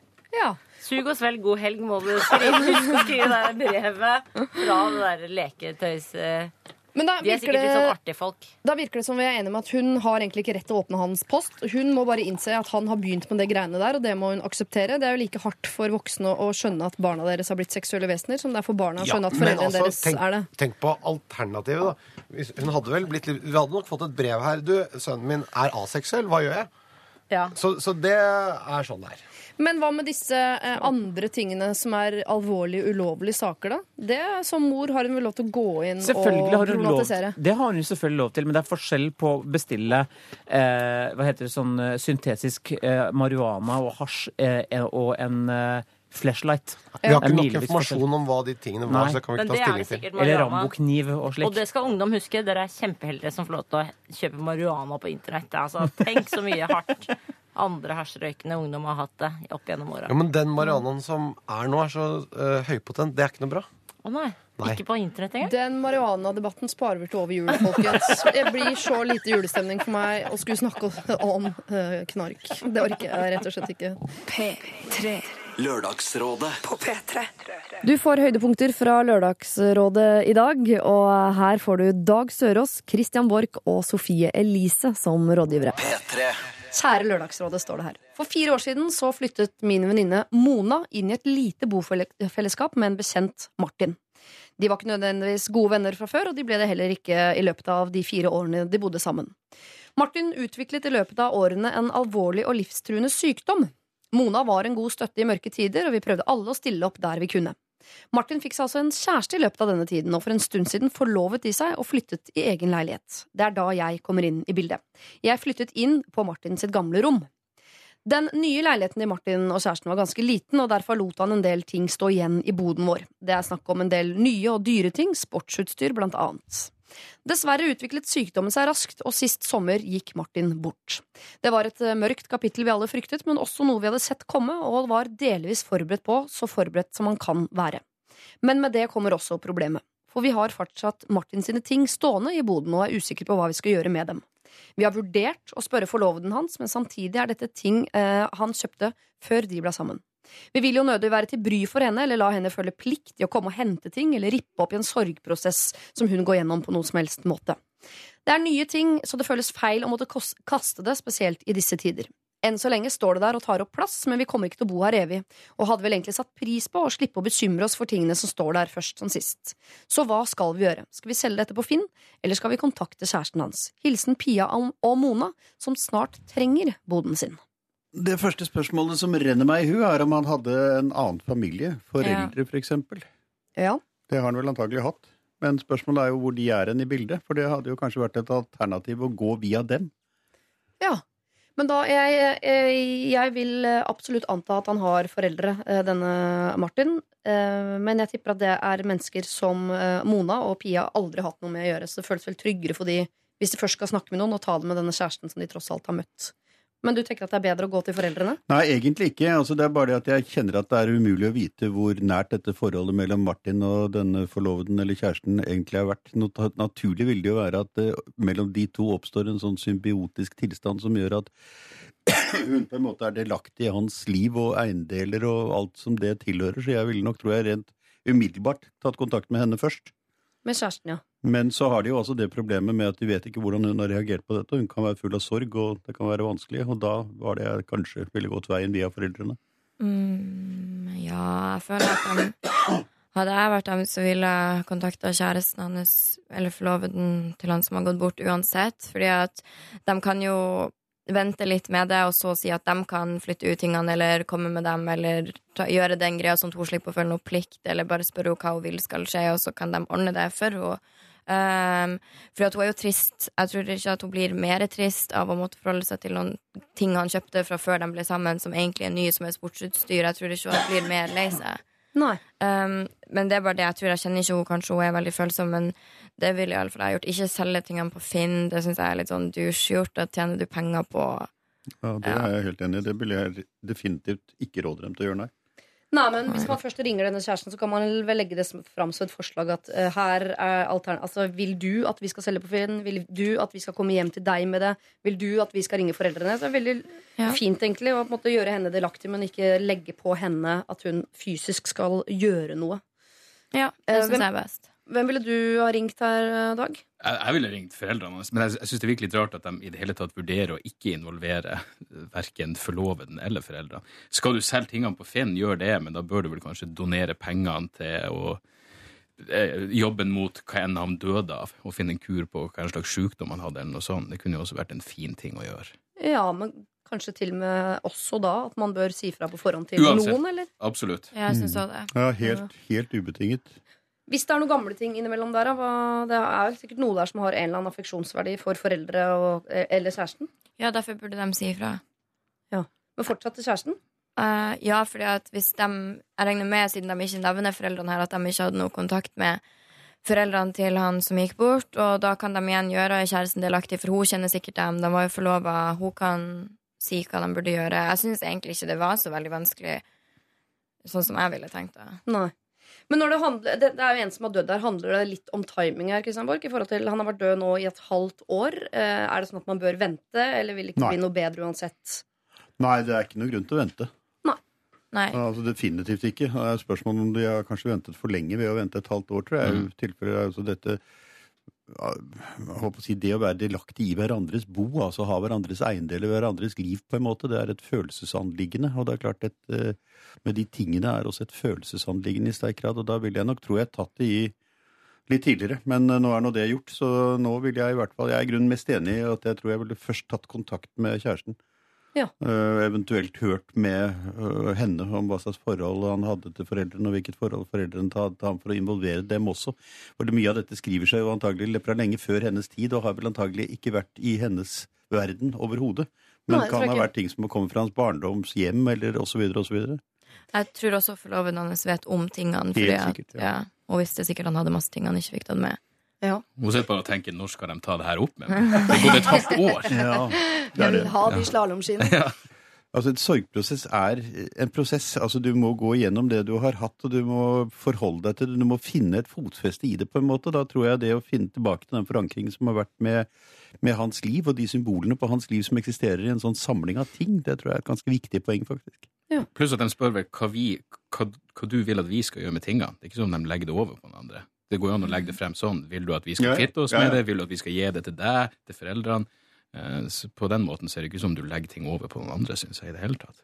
Men du mener fortsatt at de skal ringe eh, foreldrene først og fremst, Dag? Det ville vært mitt instinkt, men Ja. det kommer jo selvfølgelig an på. Men, ja, ja, men men- alternativet til å kontakte foreldrene eller forloveden skjønner jeg ikke i det hele tatt. Nei. Altså, eh, Pia og Mona, her eh, virker det som vi bare ser egentlig ett alternativ, og det er å ringe noen, om det er foreldrene eller kjæresten dere ringer, for ta litt ut fra hva dere syns er mest komfortabelt. Men, Men gjør det dere via telefon, ikke melding eller mail. Nei, ja, Ja. altså, Det er ta det ordentlig. Hvis dere har muligheten til å møte opp, så gjør det. Men gjør det til noe personlig, og, og ta kontakt og spør hva vil dere at vi skal gjøre. Men eh, involver dere selv og buda på at dere er liksom villige til å måte ta dere av den praktiske delen, men at dere vil ha litt råd på hva eh, kjæresten da, eller foreldrene, kanskje begge, ønsker at dere skal gjøre med tingene som står i boden deres. Dette er Lørdagsrådet på P3. P3. Du hører høydepunkter fra Lørdagsrådet, og nå er det på tide å dra tilbake til Bergen, der eh, Trond-Viggo Torgersen, Lars Berrum, Selda Ekiz og jeg hadde livesending. Her er Trond-Viggo Torgersen, Lars Berrum og Selda Ekiz. Og rundt oss sitter det vel en eh, anslagsvis 200-300 mennesker som uh, gjør alt fra å drikke champagne, spise croissanter, til å strikke. Altså, dere er, uh, dere er nydelige. Jeg vil anslå altså at det er ca. 80% damer her. Og så er det eh, noen få menn, og det er så lurt. Altså, dere har virkelig skjønt Det er så lurt å være mann her i kveld. I kveld, som jeg liker å si. For jeg tenker at dette er et midnight show. Live and direct from Bergen. Dere, Vi skal ta morgens første problem. Det kommer fra en uh, jente som heter Anne. Hun skriver jeg har nettopp begynt å date en utrolig flott type. Han er morsom, reflektert, sjarmerende, og vi har det veldig fint sammen. Vi har mange av de samme meningene og verdiene og kan prate om det meste. Vi kjenner hverandre ikke så godt ennå, men jeg føler at vi kan bli noe seriøst og veldig bra etter hvert. Nå kommer problemet. Han lukter akkurat som eksen min. Og denne eksen er en fyr jeg har et ganske anstrengt forhold til. Vi har vært mye fram og tilbake i flere år, såret hverandre og endte med at jeg avsluttet det forrige sommer. Det er ikke lukten i seg selv det egentlig er noe i veien med, den er faktisk ganske god. Men den minner meg så mye om eksen og alle de vonde følelsene, og minnene kommer opp igjen, selv om jeg aldri tenker på det ellers. Så hva skal jeg gjøre nå, når denne nye, fantastiske typen jeg dater, som potensielt er drømmeprinsen min, lukter akkurat som den fæle eksen? Hilsen Anne, 23. Jeg må begynne med å spørre eh, eh, Lars, vet du hva dama di lukter? Altså, Har du et sånt forhold til lukt? Ja, eh, eh, artig at du spør. Eh, fordi det, min kjæreste jobber med innkjøp av duft. Oh, ja. Så er det noe jeg har blitt ganske rå på, og i fellesskap, da, eh, så er det duft. Eh, bare det at jeg sier, bruker ordet duft. Skjønner du at da jeg er sammen med en som driver med det her? Ja, ja, ja. Eh, så vi lukter Altså, vi, vi bruker samme parfyme, for det er ikke noe kvinne- og gutteparfyme lenger. det er bakpå. Eh, eh, det det handler om nå, er unisex-parfymer. Eh, gjerne av røtter, eh, rot og gran. Eh, og jeg har Nå kjører vi en sånn black leather. Eh, eh, jo, som er veldig god. Jeg er veldig falt for svart lær eh, Ja. på mange. Så Dark Rebel bruker jeg, eh, og kjæresten min. Så vi er i den perioden nå. Så, Kan hende det ligger et uh, Var det det du var ute etter? Uh, Nei, men det kan hende det ligger et godt råd der, fordi uh, Ja. Anne kan jo kjøpe en unisex-parfyme og si 'dette er så 2017', Ja. og så har de det som et fellesprosjekt. Ja, og det som er det nye nå, det må jeg bare legge på mens vi snakker om duft, Ja. det er molekyler er det nye nå. Eh, eh, så eh, nå kan jeg kanskje bli arrestert er. av legen. Jo, men eh, at, eh, For det er, det er ikke lukt i det. Du bare sprayer på eh, molekyler som eh, lukter du sinnsstemningen du er. Dette er helt sant. Molecule. Eh, eh, jo, jeg tuller ikke nå. For da lukter du eh, hvis du er litt sånn Og den kan lukte ganske ille. Men, eh, men på noen så lukter den bra, for den tar liksom personligheten din, da. Det er, jeg, jeg hørtes kjempe... Kan du som astrofysiker eh, Men som skeptiker molekyl, duft, lukt er jo bare molekyler som setter seg fast i nesereseptorene. Sånn Ja. som kobles til ting i hjernen. Ja, er, det, er, det molekyl, hva er, det, er det feromoner du driver og snakker om, eller hva? Åh, jeg har sagt det jeg kan. Eh, eh, nå begynner jeg å falle. Jeg er bare sykepleier. Må, legen, kan ikke dere ha en jeg, jeg, diskusjon? jeg lukta på deg nå. Du lukter faktisk lær. Ja, Dark Rebel. Ja. Eh. Da veit du hva dama til Lars også lukter. Lukter lær. Det er ikke, det er ikke så tiltrekkende. Hva med deg, eh, Trond-Viggo? Har du Hva jeg lukter? Det, det, ja. Kan Ja. vi ikke spørre om det, da? Nei, jeg jeg vet ikke hva jeg lukter, men jeg vet uh, hvem jeg liker å lukte. Ja. Uh, at vi har jo alle vår personlige smak. Altså vi går etter folk som vi liker at lukter godt. Så jeg tror jo at man velger partner også ut fra lukt.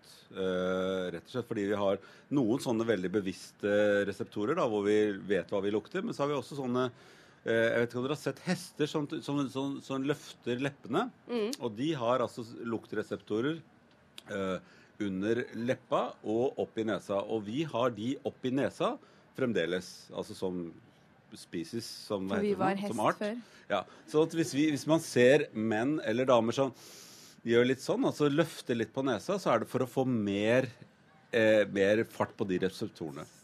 Ja. Sånn at man lukter nok eh, en del mennesker som man bare ah, det, 'Dette var et hyggelig menneske.' Eh, eh, uten å vite hva det er man lukter. Så lukt er kjempeviktig hvis, eh, altså for særligheten. Hvis Ja. man skal ha en partner resten Ja. av livet, så, så må man like lukten av ham. Hvis ikke så vil det bli Ja, uholdbart. og man får barn som liker lukten av foreldrene sine. Så man går etter, etter lukter som man er vant til. Så når hun lukter eh, denne forrige kjæresten, så er det antageligvis fordi at han også luktet sånn som hun liker. Ja, Men nå forbinder hun jo da uh, denne lukten med noe som ikke er bra. Så da er jo uh, Shit det happens. Ja, men da må vi enten må vi fjerne følelsen knyttet til lukten, eller så må vi fjerne lukten. Du må fjerne uh, følelsen. Hun må tenke med hjernen at noe av dette hun har opplevd med den forrige kjæresten, det var kanskje et hint om at dette er sånn hun kan komme til å ha det med den nye kjæresten, hvis hun ikke har lært noe av det forrige forholdet. Men det er, veldig, le, det er veldig legeaktig å si at man skal Ja. tenke med hjernen når man er forelsket. Det Ja. skjer jo ikke, det vet Nei, du. men, uh, følelsen- hjernen slår inn på uh, år tre eller fire. Man tenker med eh, litt mage, men mest hjerte og tiss. Første Ja, men det hjertet og tissen sitter også i hjernen. Så at man må tenke med forskjellige deler av hjernen. Oh, ja. Ja. Er det derfor man blir brainfucked av og til? Ja. True! Det er humorfest, det er lov å prøve seg. Eh, Altså, jeg, jeg melder meg bare på, eh, på en måte, odøren i samfunnet. Eh, jeg skjønner at vi må hjelpe Anne med dette, for det er eh, viktig. Jeg kan fortsatt si at min eh, første store kjærlighet Han luktet Stimorol og Davidoff Blue-parfymen. Det kan jeg huske ganske godt. Jeg, jeg lukter den når jeg treffer mennesker som bruker den parfymen, så tenker jeg eh, 2002. det må jeg innrømme. Lukt er kjempeviktig, og vi må hjelpe Anne å bli kvitt. Jeg mener fortsatt at vi kan hjelpe henne å bli kvitt Ja, lukten. ja. Lukten? Eller følelsen. Ja, hun kan jo bli kvitt lukten. det det er ikke okay. hans indre lukt. Det er antakeligvis en eller annen parfyme eller Ja, ja. eh, noen molekyler eller et eller annet han driver med. er Men er det, er det en parfyme, eller er det liksom hudlukten hans? Jeg kan ikke ha samme hudlukt Nei, man har ikke som samme hudlukt. Jo, men det er jo det man Ja, det er tiltrekker det jeg seg. tror Det er det han snakker om. Ja. Det er hudlukten til folk. Ja. Folks, Er ikke eh, hudlukt som fingeravtrykk? At man alle har hver sin? Ja, man har- men, ja, men man tiltrekker seg samme hudlukt. Så eksen har tydeligvis samme hudlukt som den nye kjæresten. Hudlukt er et ord jeg ikke orker. Ja. Vi innfører uh, Det syns jeg var et veldig godt ord. Ja, ja, men du er lege, så du orker sånt. Vi andre vi orker ikke sånt. Dere, Vi skal snakke mer om hudlukt eh, hvert øyeblikk. øyeblikk. øyeblikk. Anne 23 dater en fyr som lukter identisk eh, med en eks som hun har et anstrengt forhold til. Og nå har vi etablert at eh, det er hans hudlukt hun har problemer med. Og den kan jo antageligvis dekkes til med parfyme eller den slags. Vi må prøve å se om vi kan finne en måte å gjøre så hun ikke eh, forbinder denne hudlukten eh, med noe negativt. Har vi noen eh, umiddelbare tanker der? Kan de ikke bare kose ha masse sex? Kose og ha masse sex. Ja, Eller positiv sex? Altså, men, altså, i det tror du det er et slags regnskap når du har kost mer med den nye enn den forrige, så vil eh, luktmatten gå over i Er hennes favør? er det ikke sånn at man glemmer smerte og kjipe opplevelser etter, etter hvert? Altså Selv om hudlukten hans trigger eh, han kjipe eksen, så må hun bare gjøre koselige, fine ting med han nye. Sånn at eh, hun begynner å assosiere den hudlukten, da, som jeg antar ikke er så god, egentlig, men som hun syns er helt fantastisk, Ja. eh, med noe positivt. Ja, altså meng det er mengdetrening, dette her, Ja, da. Mengdetrening. Jeg er Ja. helt enig. Helt enig i det. Jeg, jeg, greier jeg tror ikke på det med hudlukt, jeg. Nei. Jeg tror, eller jeg tror Men du tror på molekylparfymer? Men jeg tror at det, er, jeg, det må være parfyme. Kan ikke være at han har samme hudlukt. Så da, hvis, hvis det er det, da må bare få sagt det. Eh, ja. Det er et rart, jeg jeg håper jo det er et råd hun har vært innom og tenkt, at be kjæresten bytte parfyme. Jeg har fått beskjed om det før jeg, eh, med en eks, med at jeg brukte sånn Nivea hudkrem. Ja. Så da bare sånn det Du fikk beskjed om at du brukte det? Ja. det er deilig at noen kan si Jeg bare jøss, er det det jeg har Det er derfor jeg er så hvit i fjeset. Ja. Ja. Så jeg fikk beskjed å gni ut den. Nei, jeg, jeg, eh, jeg fikk beskjed at eh, den, må- den, den må du ikke bruke. Nei. Og da sa hun ikke at det var en eks av henne igjen som hadde brukt den, men det lå i korta. Jeg er kanskje idiot, men så idiot er jeg ikke, så jeg skjønte liksom ah, ikke sant? Ja, for det må være lov at hun kan eh, si noe til denne nye flørten om at eh, den lukten du bruker, er jeg ikke så glad i. Men hun trenger vel ikke å bringe eksen på banen? Man skal vel helst ikke snakke så mye om eks. Nei, jeg ville jo ikke gjort det. Nei. Eh, men jeg tror jo eh, ved mengdetrening, altså det å lære inn noe nytt, det er jo det som stort sett eh, hjelper oss til å glemme det gamle. Sånn at eh, uansett om han lukter eller ikke lukter, eh, eller at det ikke er lukten, så, så er det det å bli kjent med denne fantastiske nye Det er så fint at han har en fantastisk ny fyr, da. At Ja, han ja. ikke han er, er sånn midt på treet. Ja. Eh, eh, og, at det, og det å bli kjent med han er jo fint uansett. Kan hun også bruke Jeg bare, uh, Uten å utlevere meg selv for mye, eh, det driver jo ikke jeg med Ligger det ikke noe deilig kosing i aggresjon? Altså, nå hinter jeg. Hvis hun er sur på eksen, så mener jeg at hun kan bruke den aggressive eh, energien i det til å kose seg sånn ordentlig med han nye. Skjønner dere hvor jeg vil? Ja, ikke det- la meg sitte alene i den båten. Ja, skjønner hvor hvor du vil. ja, Ja, ok, ja. bra. Kan det være noe? Vær så snill, si ja. Ja. Det kan være noe. Absolutt. Ja, okay. Er det jeg som skal si nei, da? Eh, Du må gjerne si nei. Nei, det hadde jeg ikke noe lyst til. Ja, nei, det hadde jeg ikke noe lyst til. Men jeg, jeg tror fremdeles på det der at hun kan jo si til han at det det lukter av deg, eh, eh, liker jeg veldig godt. eh, og denne her liker jeg også. Hvis hun har en Nivea, eksempel, som da gjelder for denne, eh, så går det an å legge på noen opplevelser som man assosierer positivt, istedenfor å understreke de negative opplevelsene som hun har med den lukten. Mm. For den lukten, hvis det er hans lukt, den kommer hun ikke bort fra. Jo, Altså, kan du ikke er- spise litt annerledes og sånt? For Hvis han spiser mye han kan, Hun kan endre dietten hans, da. Hvis, Ja, det, er, han- hvis det er hudlukten. Har kanskje vært sammen med en- to som er veldig glad i hvitløk. Ja. Eller At det er det som er lukta. indisk, kanskje, fordi det er, eh, hun liker indisk. Ja, eller melk, som er den uh, lukten jeg syns er verst. Når folk lukter melk. Det har jeg veldig veldig problemer med. Bæsj er kanskje verre. Syns du bæsj er verre, ja? det er meg.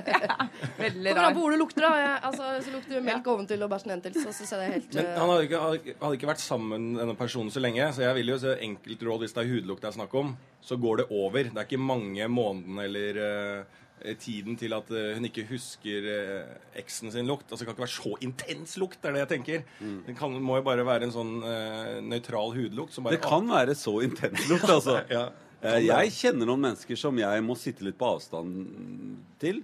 Fordi at eh, kroppslukten deres er så not for my like. like. Så Lars og Selja, for eksempel, som du har valgt å sette deg på andre siden ja, av ja, men så setter jeg meg nærmere deg, da. Ja, jeg Jeg aner ikke hvordan de jeg, jeg reagerte ikke på lukten deres. Jeg har klemt den, da. Ja. Da er deres hudlukt på deg. Jeg liker dem. Ja. Eh, kjære Anne. Eh, vi vet ikke om det her er snakk om en hudlukt som går igjen. Eh, om de begge deler lidenskapen for makrell i tomat. Eh, eller om det er en felles parfyme de bruker. Så sånn sett er det litt vanskelig å gi et konkret råd. Du kan kjøpe en unisex-parfyme eh, til han og si kan ikke vi bruke denne, dette blir vårt felles prosjekt. Og så klikker du til med en felles låt om altså, han som klitt oppå toppen der. Kanskje du skremmer ham bort, Den er verdt å prøve. Eh, eller så må du bare eh, begynne å assosiere, hvis det er hudlukten, eh, mengdetrening, mengdetrening, mengdetrening. Altså bor nesa di inn, inn i navlen hans og armhulen og inn i brystpartiet og og være helt sånn sengemidd på han. Eh, lenge nå, og så tror jeg etter hvert du vil få positive assosiasjoner med denne ø, hudlukten. Så her er også egentlig rådet. Tid er rådet her. Dette er Lørdagsrådet på P3. P3. Rådgivere i dag er Bendik, eh, Erik Solbakken og Christer Torjussen. Hei, står det her. Jeg er en jente på 23 år med en far som har blitt diagnosert, diagnosert med demens. Pappa har vært syk i flere år, og mange, eh, på mange måter så forsvant han for lenge siden. Hans sykdom har i stor grad rammet hans personlighet, der spesielt sosiale antenner har blitt så å si visket ut. Når det kommer til familie osv.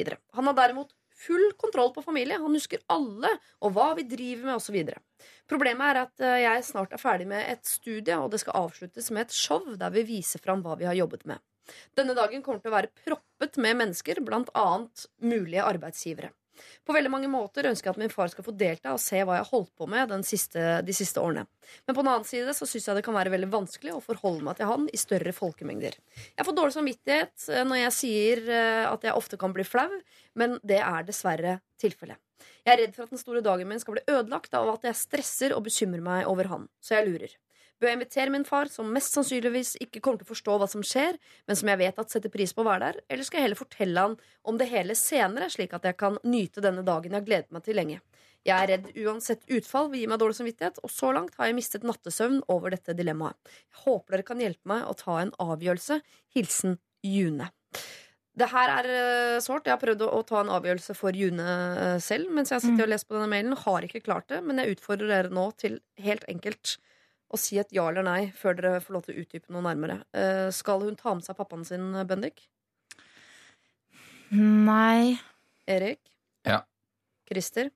Ja, jeg, jeg, nei, tror jeg. Tror jeg. Ja eller nei, sa jeg. Nei! Nei. Ok, Dere skal få lov til å utdype hvert øyeblikk. P3. Jeg har akkurat lest en mail fra denne jenta som har en far som har eh, demens, noe som i størst grad faktisk preger hans eh, sosiale antenner. Han husker fortsatt hvem som er i familie, og hva de driver med, sånn sett oppgående, men han har eh, mistet alle sosiale antenner. Hun lurer på om han skal få lov til å være med på avslutningsshowet hennes på uh, skolen, der de skal vise fram hva de har jobbet med nå de siste årene. Uh, Erik, du var den eneste som sa ja på det, sånn umiddelbart. Ja, han skal få lov til å være med. Uh, var det for å, å være det beste mennesket i gruppa, eller har du noen argumenter til å følge opp? Eh, altså, jeg tenker jo at eh, ut fra det lille jeg hørte, for jeg har jo ikke vært i samme rom som han, og er jo Det kan jo hende at det endrer oppfatning hvis, hvis du hadde Hvis du veit litt hvor du ser det går, på en eller annen måte. Men jeg tenker jo sånn generelt i livet, da, så er det jo sånn at eh, hva andre mennesker rundt deg, og det er gjerne familie som du kan relatere deg til, og som fort blir en del av deg, hva de gjør, det bør strengt tatt ikke ha noe med hva du sjøl gjør. Så det jeg tenker, er at uh, det er bare én vinner her, og det er hvis faren er med, Mm. og det går bra, og hun koser seg med det, og angrer ikke på det valget om å da ikke ta med faren sin. Uh, og går det uh, dårlig uh, Men jeg spør meg altså hva er det som kan gå så fryktelig gærent? på en eller annen måte? Er det at hun blir flau? Er det, er det ting som hun egentlig kan jobbe med sjøl? Ja. Fordi det er jo sånn, ok, arbeidsgiver og sånn, og står du der med en potensiell arbeidsgiver, og faren sier masse tull, så er det jo litt sånn, ok, da får du bare face det på en eller annen måte, og kanskje du kommer styrka ut av det òg. Så jeg tenker at det er, det, det er en bra utfordring, og jeg tror hun kommer til å angre minst på å ta med faren. Takk for meg. Christer, du sa nei. Har du endra nei-et ditt til et ja nå etter eh, appellen til Erik Solbakken? Det er ingen tvil om at Erik er et veldig godt menneske. Veldig bra. Men jeg tenker at i og med at han er dement, så vil det vel ikke Jeg tenker jo sånn litt sånn praktisk Vil det ha særlig stor betydning for han når han oppdager da etterpå at han ikke var med? Hvis han da er dement og tenker Hva med å få filma det og si dette Her har du det jeg var med på. Selvfølgelig, Jeg er også med på det Erik sier, at eh, hvor gærent kan det egentlig gå? Kan noen være der og passe på alle disse tingene? Men hvis det stresser henne på en sånn dag, og faren er dement, så ville jeg kanskje jeg, jeg vet ikke om det er kynisk, men jeg ville kanskje valgt å si kanskje ikke akkurat den dagen. Mm. Uh, og fortelle om dette på å vise fram, kanskje. Hva ligger bak ditt svar, eh, Bendik? Jeg syns ikke han skal ha dårlig samvittighet for å la være. Altså, uansett dement eh, eller ikke. Altså, hun har jo potensielle arbeidsgivere og så videre. Er på jobb. Altså, selv om det er åpent for publikum, så kan jo Det er mer enn nok unnskyldning bare det å bli nervøs av å ha foreldre der, eller far der. Så nei, jeg tenker at det står hun helt fritt til, og det er hennes dag. Det der hadde jeg ikke tenkt på, faktisk, Bendik. Men det, eh, det hadde jeg glemt som eh, argument inni mitt eh, hode. Jeg var, jeg kan egentlig ikke relatere til dette. Ingen som har, eh, er rammet av dette i min familie. Men jeg skulle fortelle en historie på en sånn historiefortellingskveld for et halvt års tid tilbake. Hvor av helt tilfeldige grunner så plutselig dukker min mor og mine tre onkler opp på samme kafé. For de skulle møtes og spise middag, og der var jeg, og jeg skulle fortelle, og da skulle de få med seg det. Og jeg ble altså så forbanna som jeg ikke har vært på mange år, over at de kom til min arbeidsplass eh, og gjorde mitt arbeid vanskeligere. Altså Jeg var så pottesur, og samtidig kunne jeg ikke si til familien min sånn Dere er jo her, eh, og dere lurer jo på hva jeg driver med, eh, men dere må gå, for jeg vil ikke ha dere her. Så det, eh, den, det, hele den kvelden ble helt ødelagt for meg. Jeg gjorde en kjempedårlig jobb, og jeg, jeg hadde syntes hele kvelden var helt forferdelig. Men det hvis- kan jo for så vidt ikke sammenlignes med deg, fordi det Hvis June sin kveld blir helt, helt ødelagt over at pappa er i salen, så syns jeg det er et argument for at han ikke skal være der. Men samtidig så ser jeg også at eh, hvis hun kan få seg til å ha han der, men prøve å jobbe med å ikke være flau, men være stolt over at Se, dette er pappaen min. Til tross for demens, så klarer han å være blant folk. Han husker navn. Han får med seg altså at Hvis hun kan klare å snu det til stolthet, så er det det beste. Men Altså, det er det, det, hun, det er det hun Det er det føler jeg er hennes indre konflikt, er jo at det har sneket seg inn en liten herr samvittighet som, som sier det at uh, du bør sterkt vurdere å ta med han. Og det handler jo litt om sånn hvordan framtida blir eh, med han. Og det her kan jo være en fin anledning til å på en måte overvinne en liten sånn frykt som, som hun har òg, om at faren som tross alt har en sjukdom som eh, jo eh, i hvert fall de fleste jeg kjenner, respekterer veldig. Eh, eh, eh, jeg, jeg tror det kommer til å bety mye for henne hvis hun tar med seg han. Eh, og da, da har jeg bare lyst til å pushe henne litt, fordi det er sånn eh, Vi blir litt for fort litt for flaue over Mm. folk som ikke er det sjøl. Eh, og det tenker jeg også sånn I den situasjonen her, så er det sånn ja, kanskje du mister en jobb, men jeg tror ikke det gjør det. liksom Jeg tror det bare er inni, inni ditt eget Men det er noe med Det er på en måte dagen hennes. Her er et eksempel som, til parallell. Jeg har kasta ut min egen far fra publikum når jeg sto på scenen fordi han dukka opp full og satt på gulvet i bar overkropp og skulle ha fyr på, på røyken sin. Eh, det, det er ikke noe god opplevelse når du prøver å gjøre ditt aller beste foran masse folk du gikk i klasse med, venner, i den byen du bodde i. Så det er en sånn total ydmykelse, selv om alle visste at pappa var alkoholiker og sleit. Så det er likevel en sånn ting som er som går og bærer på Og det har noe med at det betyr ikke at jeg ikke elsker eller elsket faren min mindre av den grunn, men den situasjonen er så ekstremt vanskelig. Ja.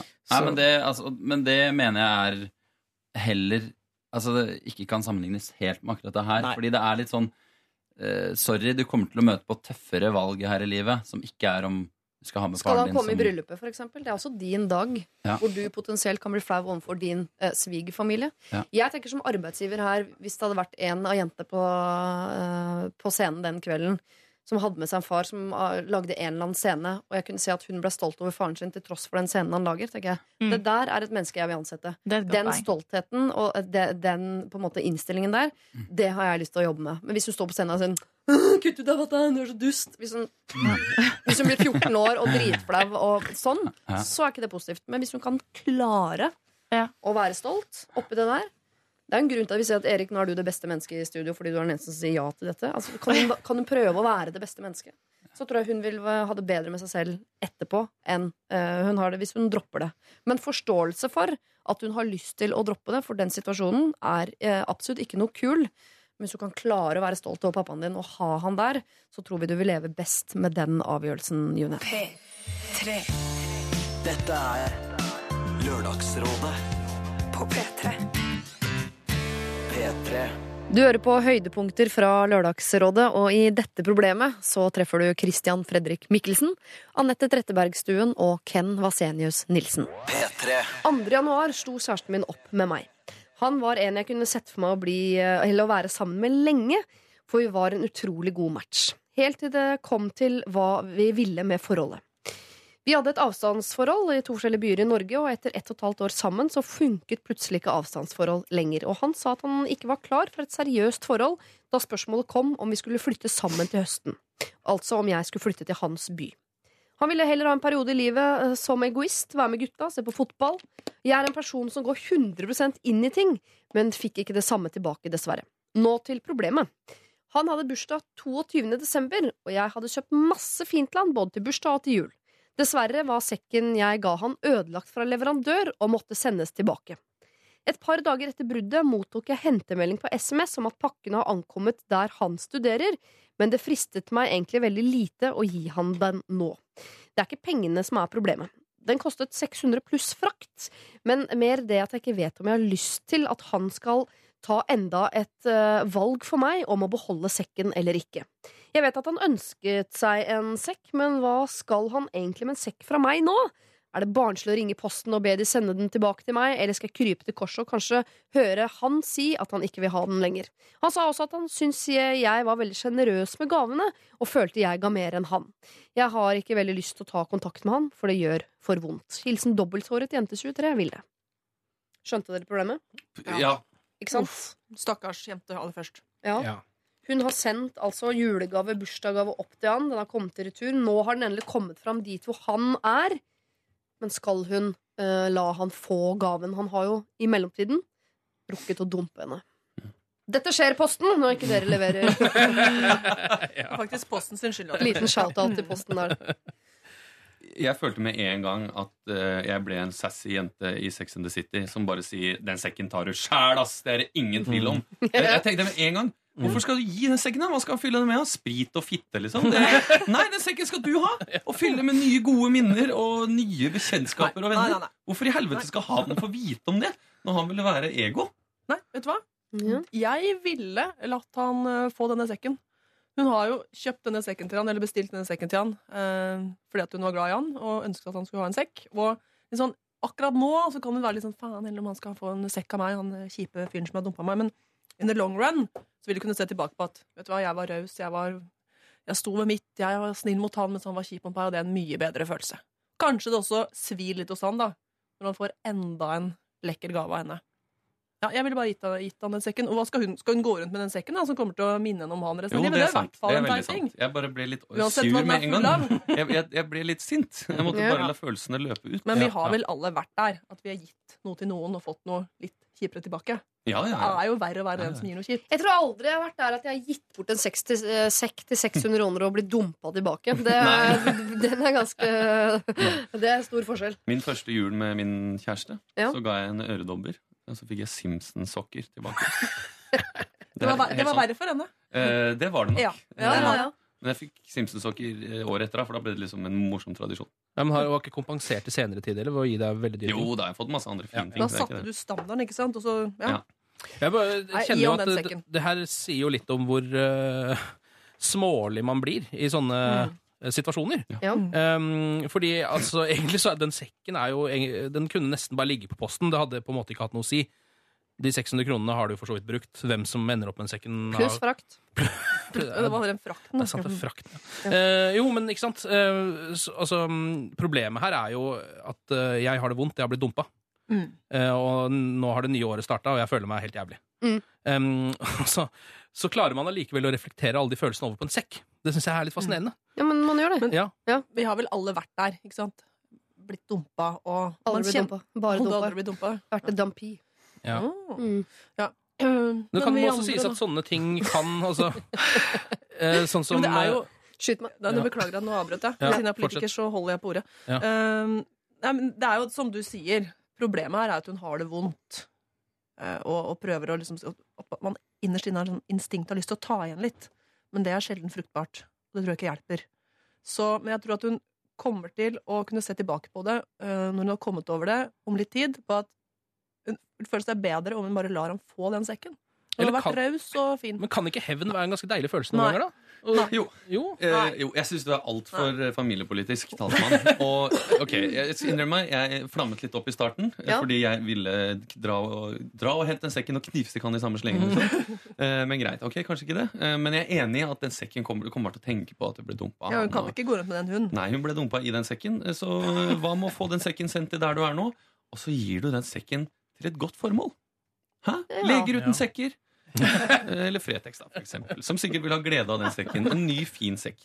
Til et asylmottak. Ja. Ja, ikke sant? Ja. Da kommer den til, til gode. Du får en god følelse.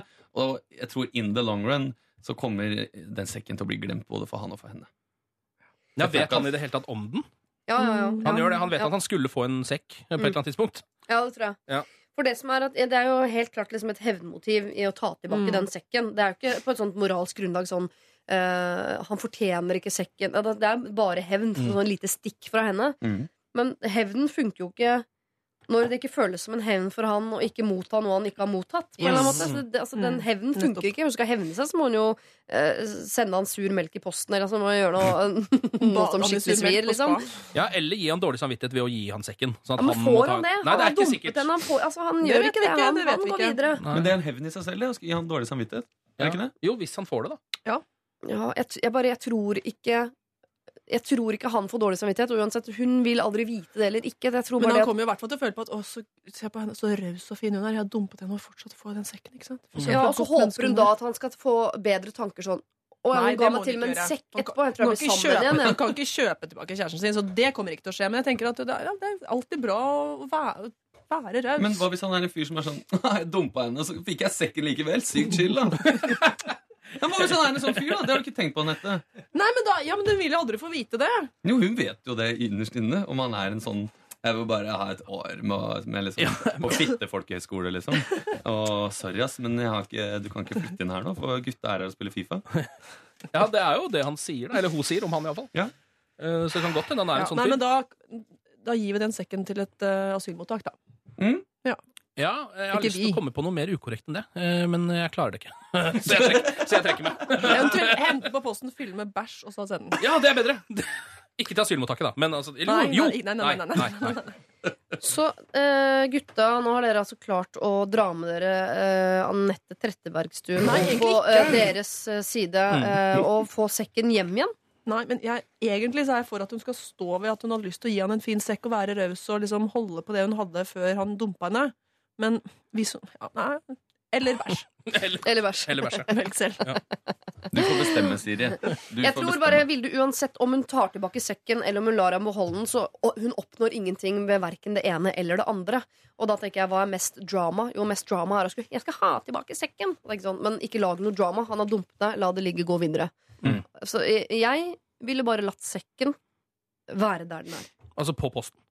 Ja, han henter noe hvis ikke hun henter den. Ja, ok. Ikke sant? Den blir ikke Mm. bare liggende der. Nei, Så det er han som får den, da, til slutt. Ja, Og hvis han Ja. ikke henter den, så blir den vel sendt i retur til henne en gang til. Da, Mm. da, er, det jo, da er det jo greit. Bør i hvert fall ikke beholde den sekken etterpå, for det virker som det er mye eh, Mm. dårlige tanker som kommer opp når den sekken eh, dukker opp. Så ikke behold den selv. Da må du bytte den eller gi den til noen andre. Kan ikke få i pose og sekk. Nei, jeg kan ikke det. Kan ikke det. Man kan faktisk det. Men Eh, er En gang så jeg en sekk oppi en pose, faktisk, som jeg fikk. Det er sjukt. Jeg har sett pose i sekk òg, jeg. Ja, ja. Mm.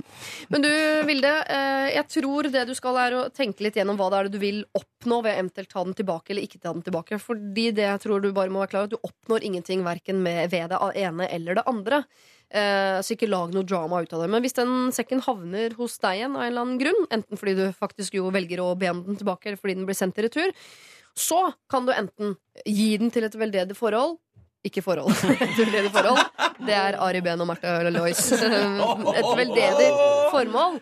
Eh, Eller så kan du, eh, og dette har til og med en politiker sagt, du kan fylle den med bæsj. Det kan du gjøre. Men da må du sende den altså til din eks. Da begynner vi nemlig å lukte på en skikkelig hevn. Bare la han ha sekken. Det er ikke hevn. Fyll den med bæsj.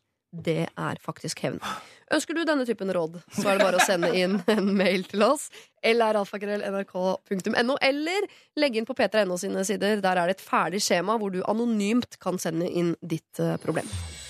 Dette er Lørdagsrådet på P3. P3 Du får høydepunkter fra Lørdagsrådet, og nå er det Janne Rønningen, Abid Raja og Christian Mikkelsen som er eh, rådgivere. Ok, Janne Rønningen. Eh, eh, hvor gammel sa du var? 47 år gammel komiker? Ja, og du 46 da. Og du har sagt Ja. at hele livet ditt har vært som en lang, pinlig affære. Ja, det har det. Eh, og nå har du altså da med deg et eget privatproblem som du vil at vi skal hjelpe deg med. Det har jeg. Ja. Eh, ok, saken er Altså, det er en fyr, da. og som jeg har hatt det litt sånn opplegg med. Og nå er jeg kanskje sånn, jeg vet ikke 63% kjærlighetssorg, da. For at det Ja. var kanskje ikke så farlig at det ikke ble noe av, men, men jeg er lei meg likevel. Eh, for at det ikke ble noe av. Og så eh, har eh, Og så etter at han på en måte dro fra meg, da, så har han sendt et par meldinger som jeg ikke har svart på. Og det har vært sånn at Han har prøvd liksom, å være hyggelig, og så har han prøvd å starte en krangel. Jeg har liksom ikke svart på noen av de meldingene. da eh, Fordi min venninne Anne Wisløff sier at eh, jeg, hvis jeg svarer på de meldingene, så blir det, det, denne sorgprosessen dratt ut. Så jeg må bare være hard, ikke svare på noen ting. Da kommer han til å slutte å sende meldinger, og da går det fortere over. Det er liksom poenget. Så jeg har vært veldig flink til å ikke svare på noen meldinger. Men så er det noe gærent med telefonen min, så jeg får heller ikke alle meldinger. Altså Jeg mottar ikke alle SMS som blir sendt. Jeg har faktisk sendt inn opp telefonen min på reparasjon tre ganger. Og hver gang sier de nei, det er ikke noe gærent, så får jeg den tilbake, så er det meldinger jeg ikke har fått. Blant annet nå fikk jeg en melding av en som heter Gina, hvor det står Har du fått meldingen min? Nei, det har jeg ikke fått. Ikke? Så jeg får ikke alle meldinger. Og da jeg våknet i dag tidlig, så peip telefonen min, den der SMS-lyden. Så jeg skjønner at jeg har fått en melding. Men jeg vet ikke hvem den meldingen er fra, for kom, den syns ikke på skjermen. Så tenker jeg, er det fra han? Og kan jeg da Her kommer problemet. Kan jeg sende SMS og skrive 'Hei, har du sendt en melding til meg i natt?' Eh, I tilfelle, hva sto det i den? Få svar, og så ignorere svaret. Ok, Janne Rønning, du er 47 år gammel i 46. kroppen, eh, men i hodet er du eh, 14. det er veldig Det er så fint å se at vi mennesker aldri kommer oss videre. At vi har de samme Jeg er sånn selv. Har de samme problemene nå som jeg hadde på ungdomsskolen. Og jeg ser at også eh, min mor har også de samme problemene som jeg har nå. Så det er deilig å, å vite at vi går i loop hele livet. Eh, og da virker jo egentlig hele Lørdagsrådet litt meningsløst, men la oss nå likevel prøve å løse det der. Men det kan være en, hvis jeg kan skyte inn, det Ja, kan ja, ja. være en melding fra han. Det kan Mhm. også være en melding fra de 374 andre kontaktene som du har, som sender deg meldinger. Som kan, Det kan være fra det er sant, så prosentvis Mm. så er det jo veldig liten mulighet. Men hvis man skal tenke Man får jo ikke SMS hele tiden fra de 300. Nei, det gjør man ikke. Det er vel mer 12 potensielle. Ja. Så, så det blir sånn ja, Nå er ikke jeg dritgod i matte, men litt mindre 10 sjanse. Så du, du kan jo sende melding til alle de andre elleve og høre med de først. Og, og eliminere ut liksom alle de Gina da, og Anne og de som vanligvis sender deg meldinger. Det er bra. Ikke bra. sant? Ja, Eh, kanskje det var Gina, Jonna? Kanskje det var Zaid? Jonna kan sende. Ja, ikke sant? Men Ja. hvorfor altså, uh, Har du, her- Dere har ikke sendt en SMS her fra lørdag? Vi har ikke sendt. Absolutt ikke sendt noe som Ja. helst. Eh, det du eh, lurer på om du skal gjøre, er å sende eh, SMS til en fyr som du egentlig ikke sender SMS til, for å høre om han har sendt deg en melding som du uansett ikke har tenkt å svare på. Mm. Så grunnen til det er at du vil, eh, at du vil straffe han, for du veit ikke om den straffen du allerede driver med, fungerer. For du har ikke svart til noe. Du vet om, det er som å ringe på stikka. Du vil, du vil på en måte gjøre straffen tydeligere. Jeg har bare lyst til å vite hva som står i den SMS-en. Altså, jeg er jo, helt, jeg er jo nysgjerrig, en nysgjerrig type. Så hadde ikke du hatt en god venninne eh, som Ellen, så ville du ha svart på de forrige SMS-ene òg, for å holde han her på lunk. Anne var det, ja. Kanskje litt eh, bare for å se hva han skrev videre. da, For det er jo, så er det jo koselig å få SMS, da. Men vi, er du interessert i han fyren? Nei, egentlig ikke det. Eller sånn, nei. Du- jeg men du er det er trist, men jeg skjønner at det var en dårlig idé, liksom. Jeg skjønner at det er en dårlig idé. Men du er interessert i å smøre den sorgprosessen utover litt, sånn at den blir litt lenger? Det jeg vil, er at han skal, være, at han skal elske meg, og at jeg ikke skal elske han tilbake. Det er det jeg vil. Okay. Så du vil snu, snu bordet? Jeg vil snu bordet. Ja. Skyt meg for det! Skyt meg for det! Nei, alle er ønsker å snu menneske. bordet. Jeg har masse folk jeg skulle ønske at var forelska i meg, som jeg ikke er forelska i, bare fordi jeg vil at de skal elske meg. Ja. Sånn er det jo. Jeg vil bli elsket. Dronningssyndrom heter det. Hvordan snur man bordet da, Abid? Nei, jeg, jeg tror jeg hadde latt være Mitt råd er å ikke sende noe SMS til noen. Bare gi F. Som din klient, Janne. Ja. Eller som eh, du er klienten til Abid. Han Ja. ville ikke anbefalt deg sånn. Det vil jeg ikke anbefale. Men jeg skal begynne å høre på deg. For at, is- eh, gjennom, altså, før vi kom hit, så tenkte jeg sånn at jeg hadde mye mer erfaring enn deg, siden jeg har ligget med så mange, og du har ligget med så få.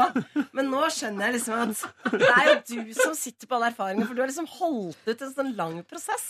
Ja, Kan jeg, vi, vi, kan og vi ble si, ja. venner på Vi har fått venneforespørsel fra deg nå, Ja. Du... Så jeg, hvis jeg svarer på den, så kan jeg kanskje bare begynne å sende deg SMS. Ikke SMS, men på Messenger, for jeg får ikke, mottar ikke SMS. Så nå midt på natta Abid, så kommer du til å få melding fra Janne hvor det står Hei, jeg har fått et pip. Har du sendt meg melding? Eh, I så fall kommer jeg ikke til å svare på den. Takk for meg. Messenger-greia, så den er jeg ikke på. Men jeg ville ikke sendt det. Det er, sånn, det er jo selvnedverdigende, egentlig, å sende den SMS-en. Ja, det er. Ja, Og så verste er hvis de som svarer Nei, hvorfor i helvete skulle jeg sende Ja, deg en. SMS? Da har du på en måte satt deg i minus i Ja, tillegg. Da har du ikke snudd bordet, men du har liksom Tapt. Du har virkelig Ja, da har du havner i bøtta, altså. Ja, det er sant, altså. Du skal få et siste råd her Ja. eh, fra meg før vi går inn i en ny låt. Og det er Mm. hvis du skal sende han noen melding på noe som helst tidspunkt for å gjøre det tydeligere det du uh, prøver å oppnå, og som din venninne også prøver å oppnå, uh, nemlig å, å gjøre den sorgprosessen så kort som mulig, så er det det du skal sende på de meldingene. Jeg ønsker ikke å svare på meldingene dine fordi jeg prøver å eh, komme meg ut av en sorgprosess som du har igangsatt. Så vil ikke han da verken kunne bli sint eller fortsette å pushe. Det eneste han vil tenke, er at nå har jeg gjort sånn at du har vondt. Da føler jeg meg dum. Det kan jeg ikke fortsette med. Og så får du ikke flere meldinger fra han, men han sitter et eller annet annet sted i denne byen og føler seg dum fordi du er lei deg. Og smør gjerne på litt. Smør på litt tjukt. Ja, men det funker ikke. Han vil bare føle seg enda viktigere. Ja, ja, kanskje uh, tissen hans uh, blir to centimeter lenger, da, men uh, hjernen hans krymper litt. Og det eh, tror jeg bare alle har godt av, på en eller annen måte. Det skjønte nei, det skjønte ikke jeg heller. Men eh, mange fine ord i en setning uten komma.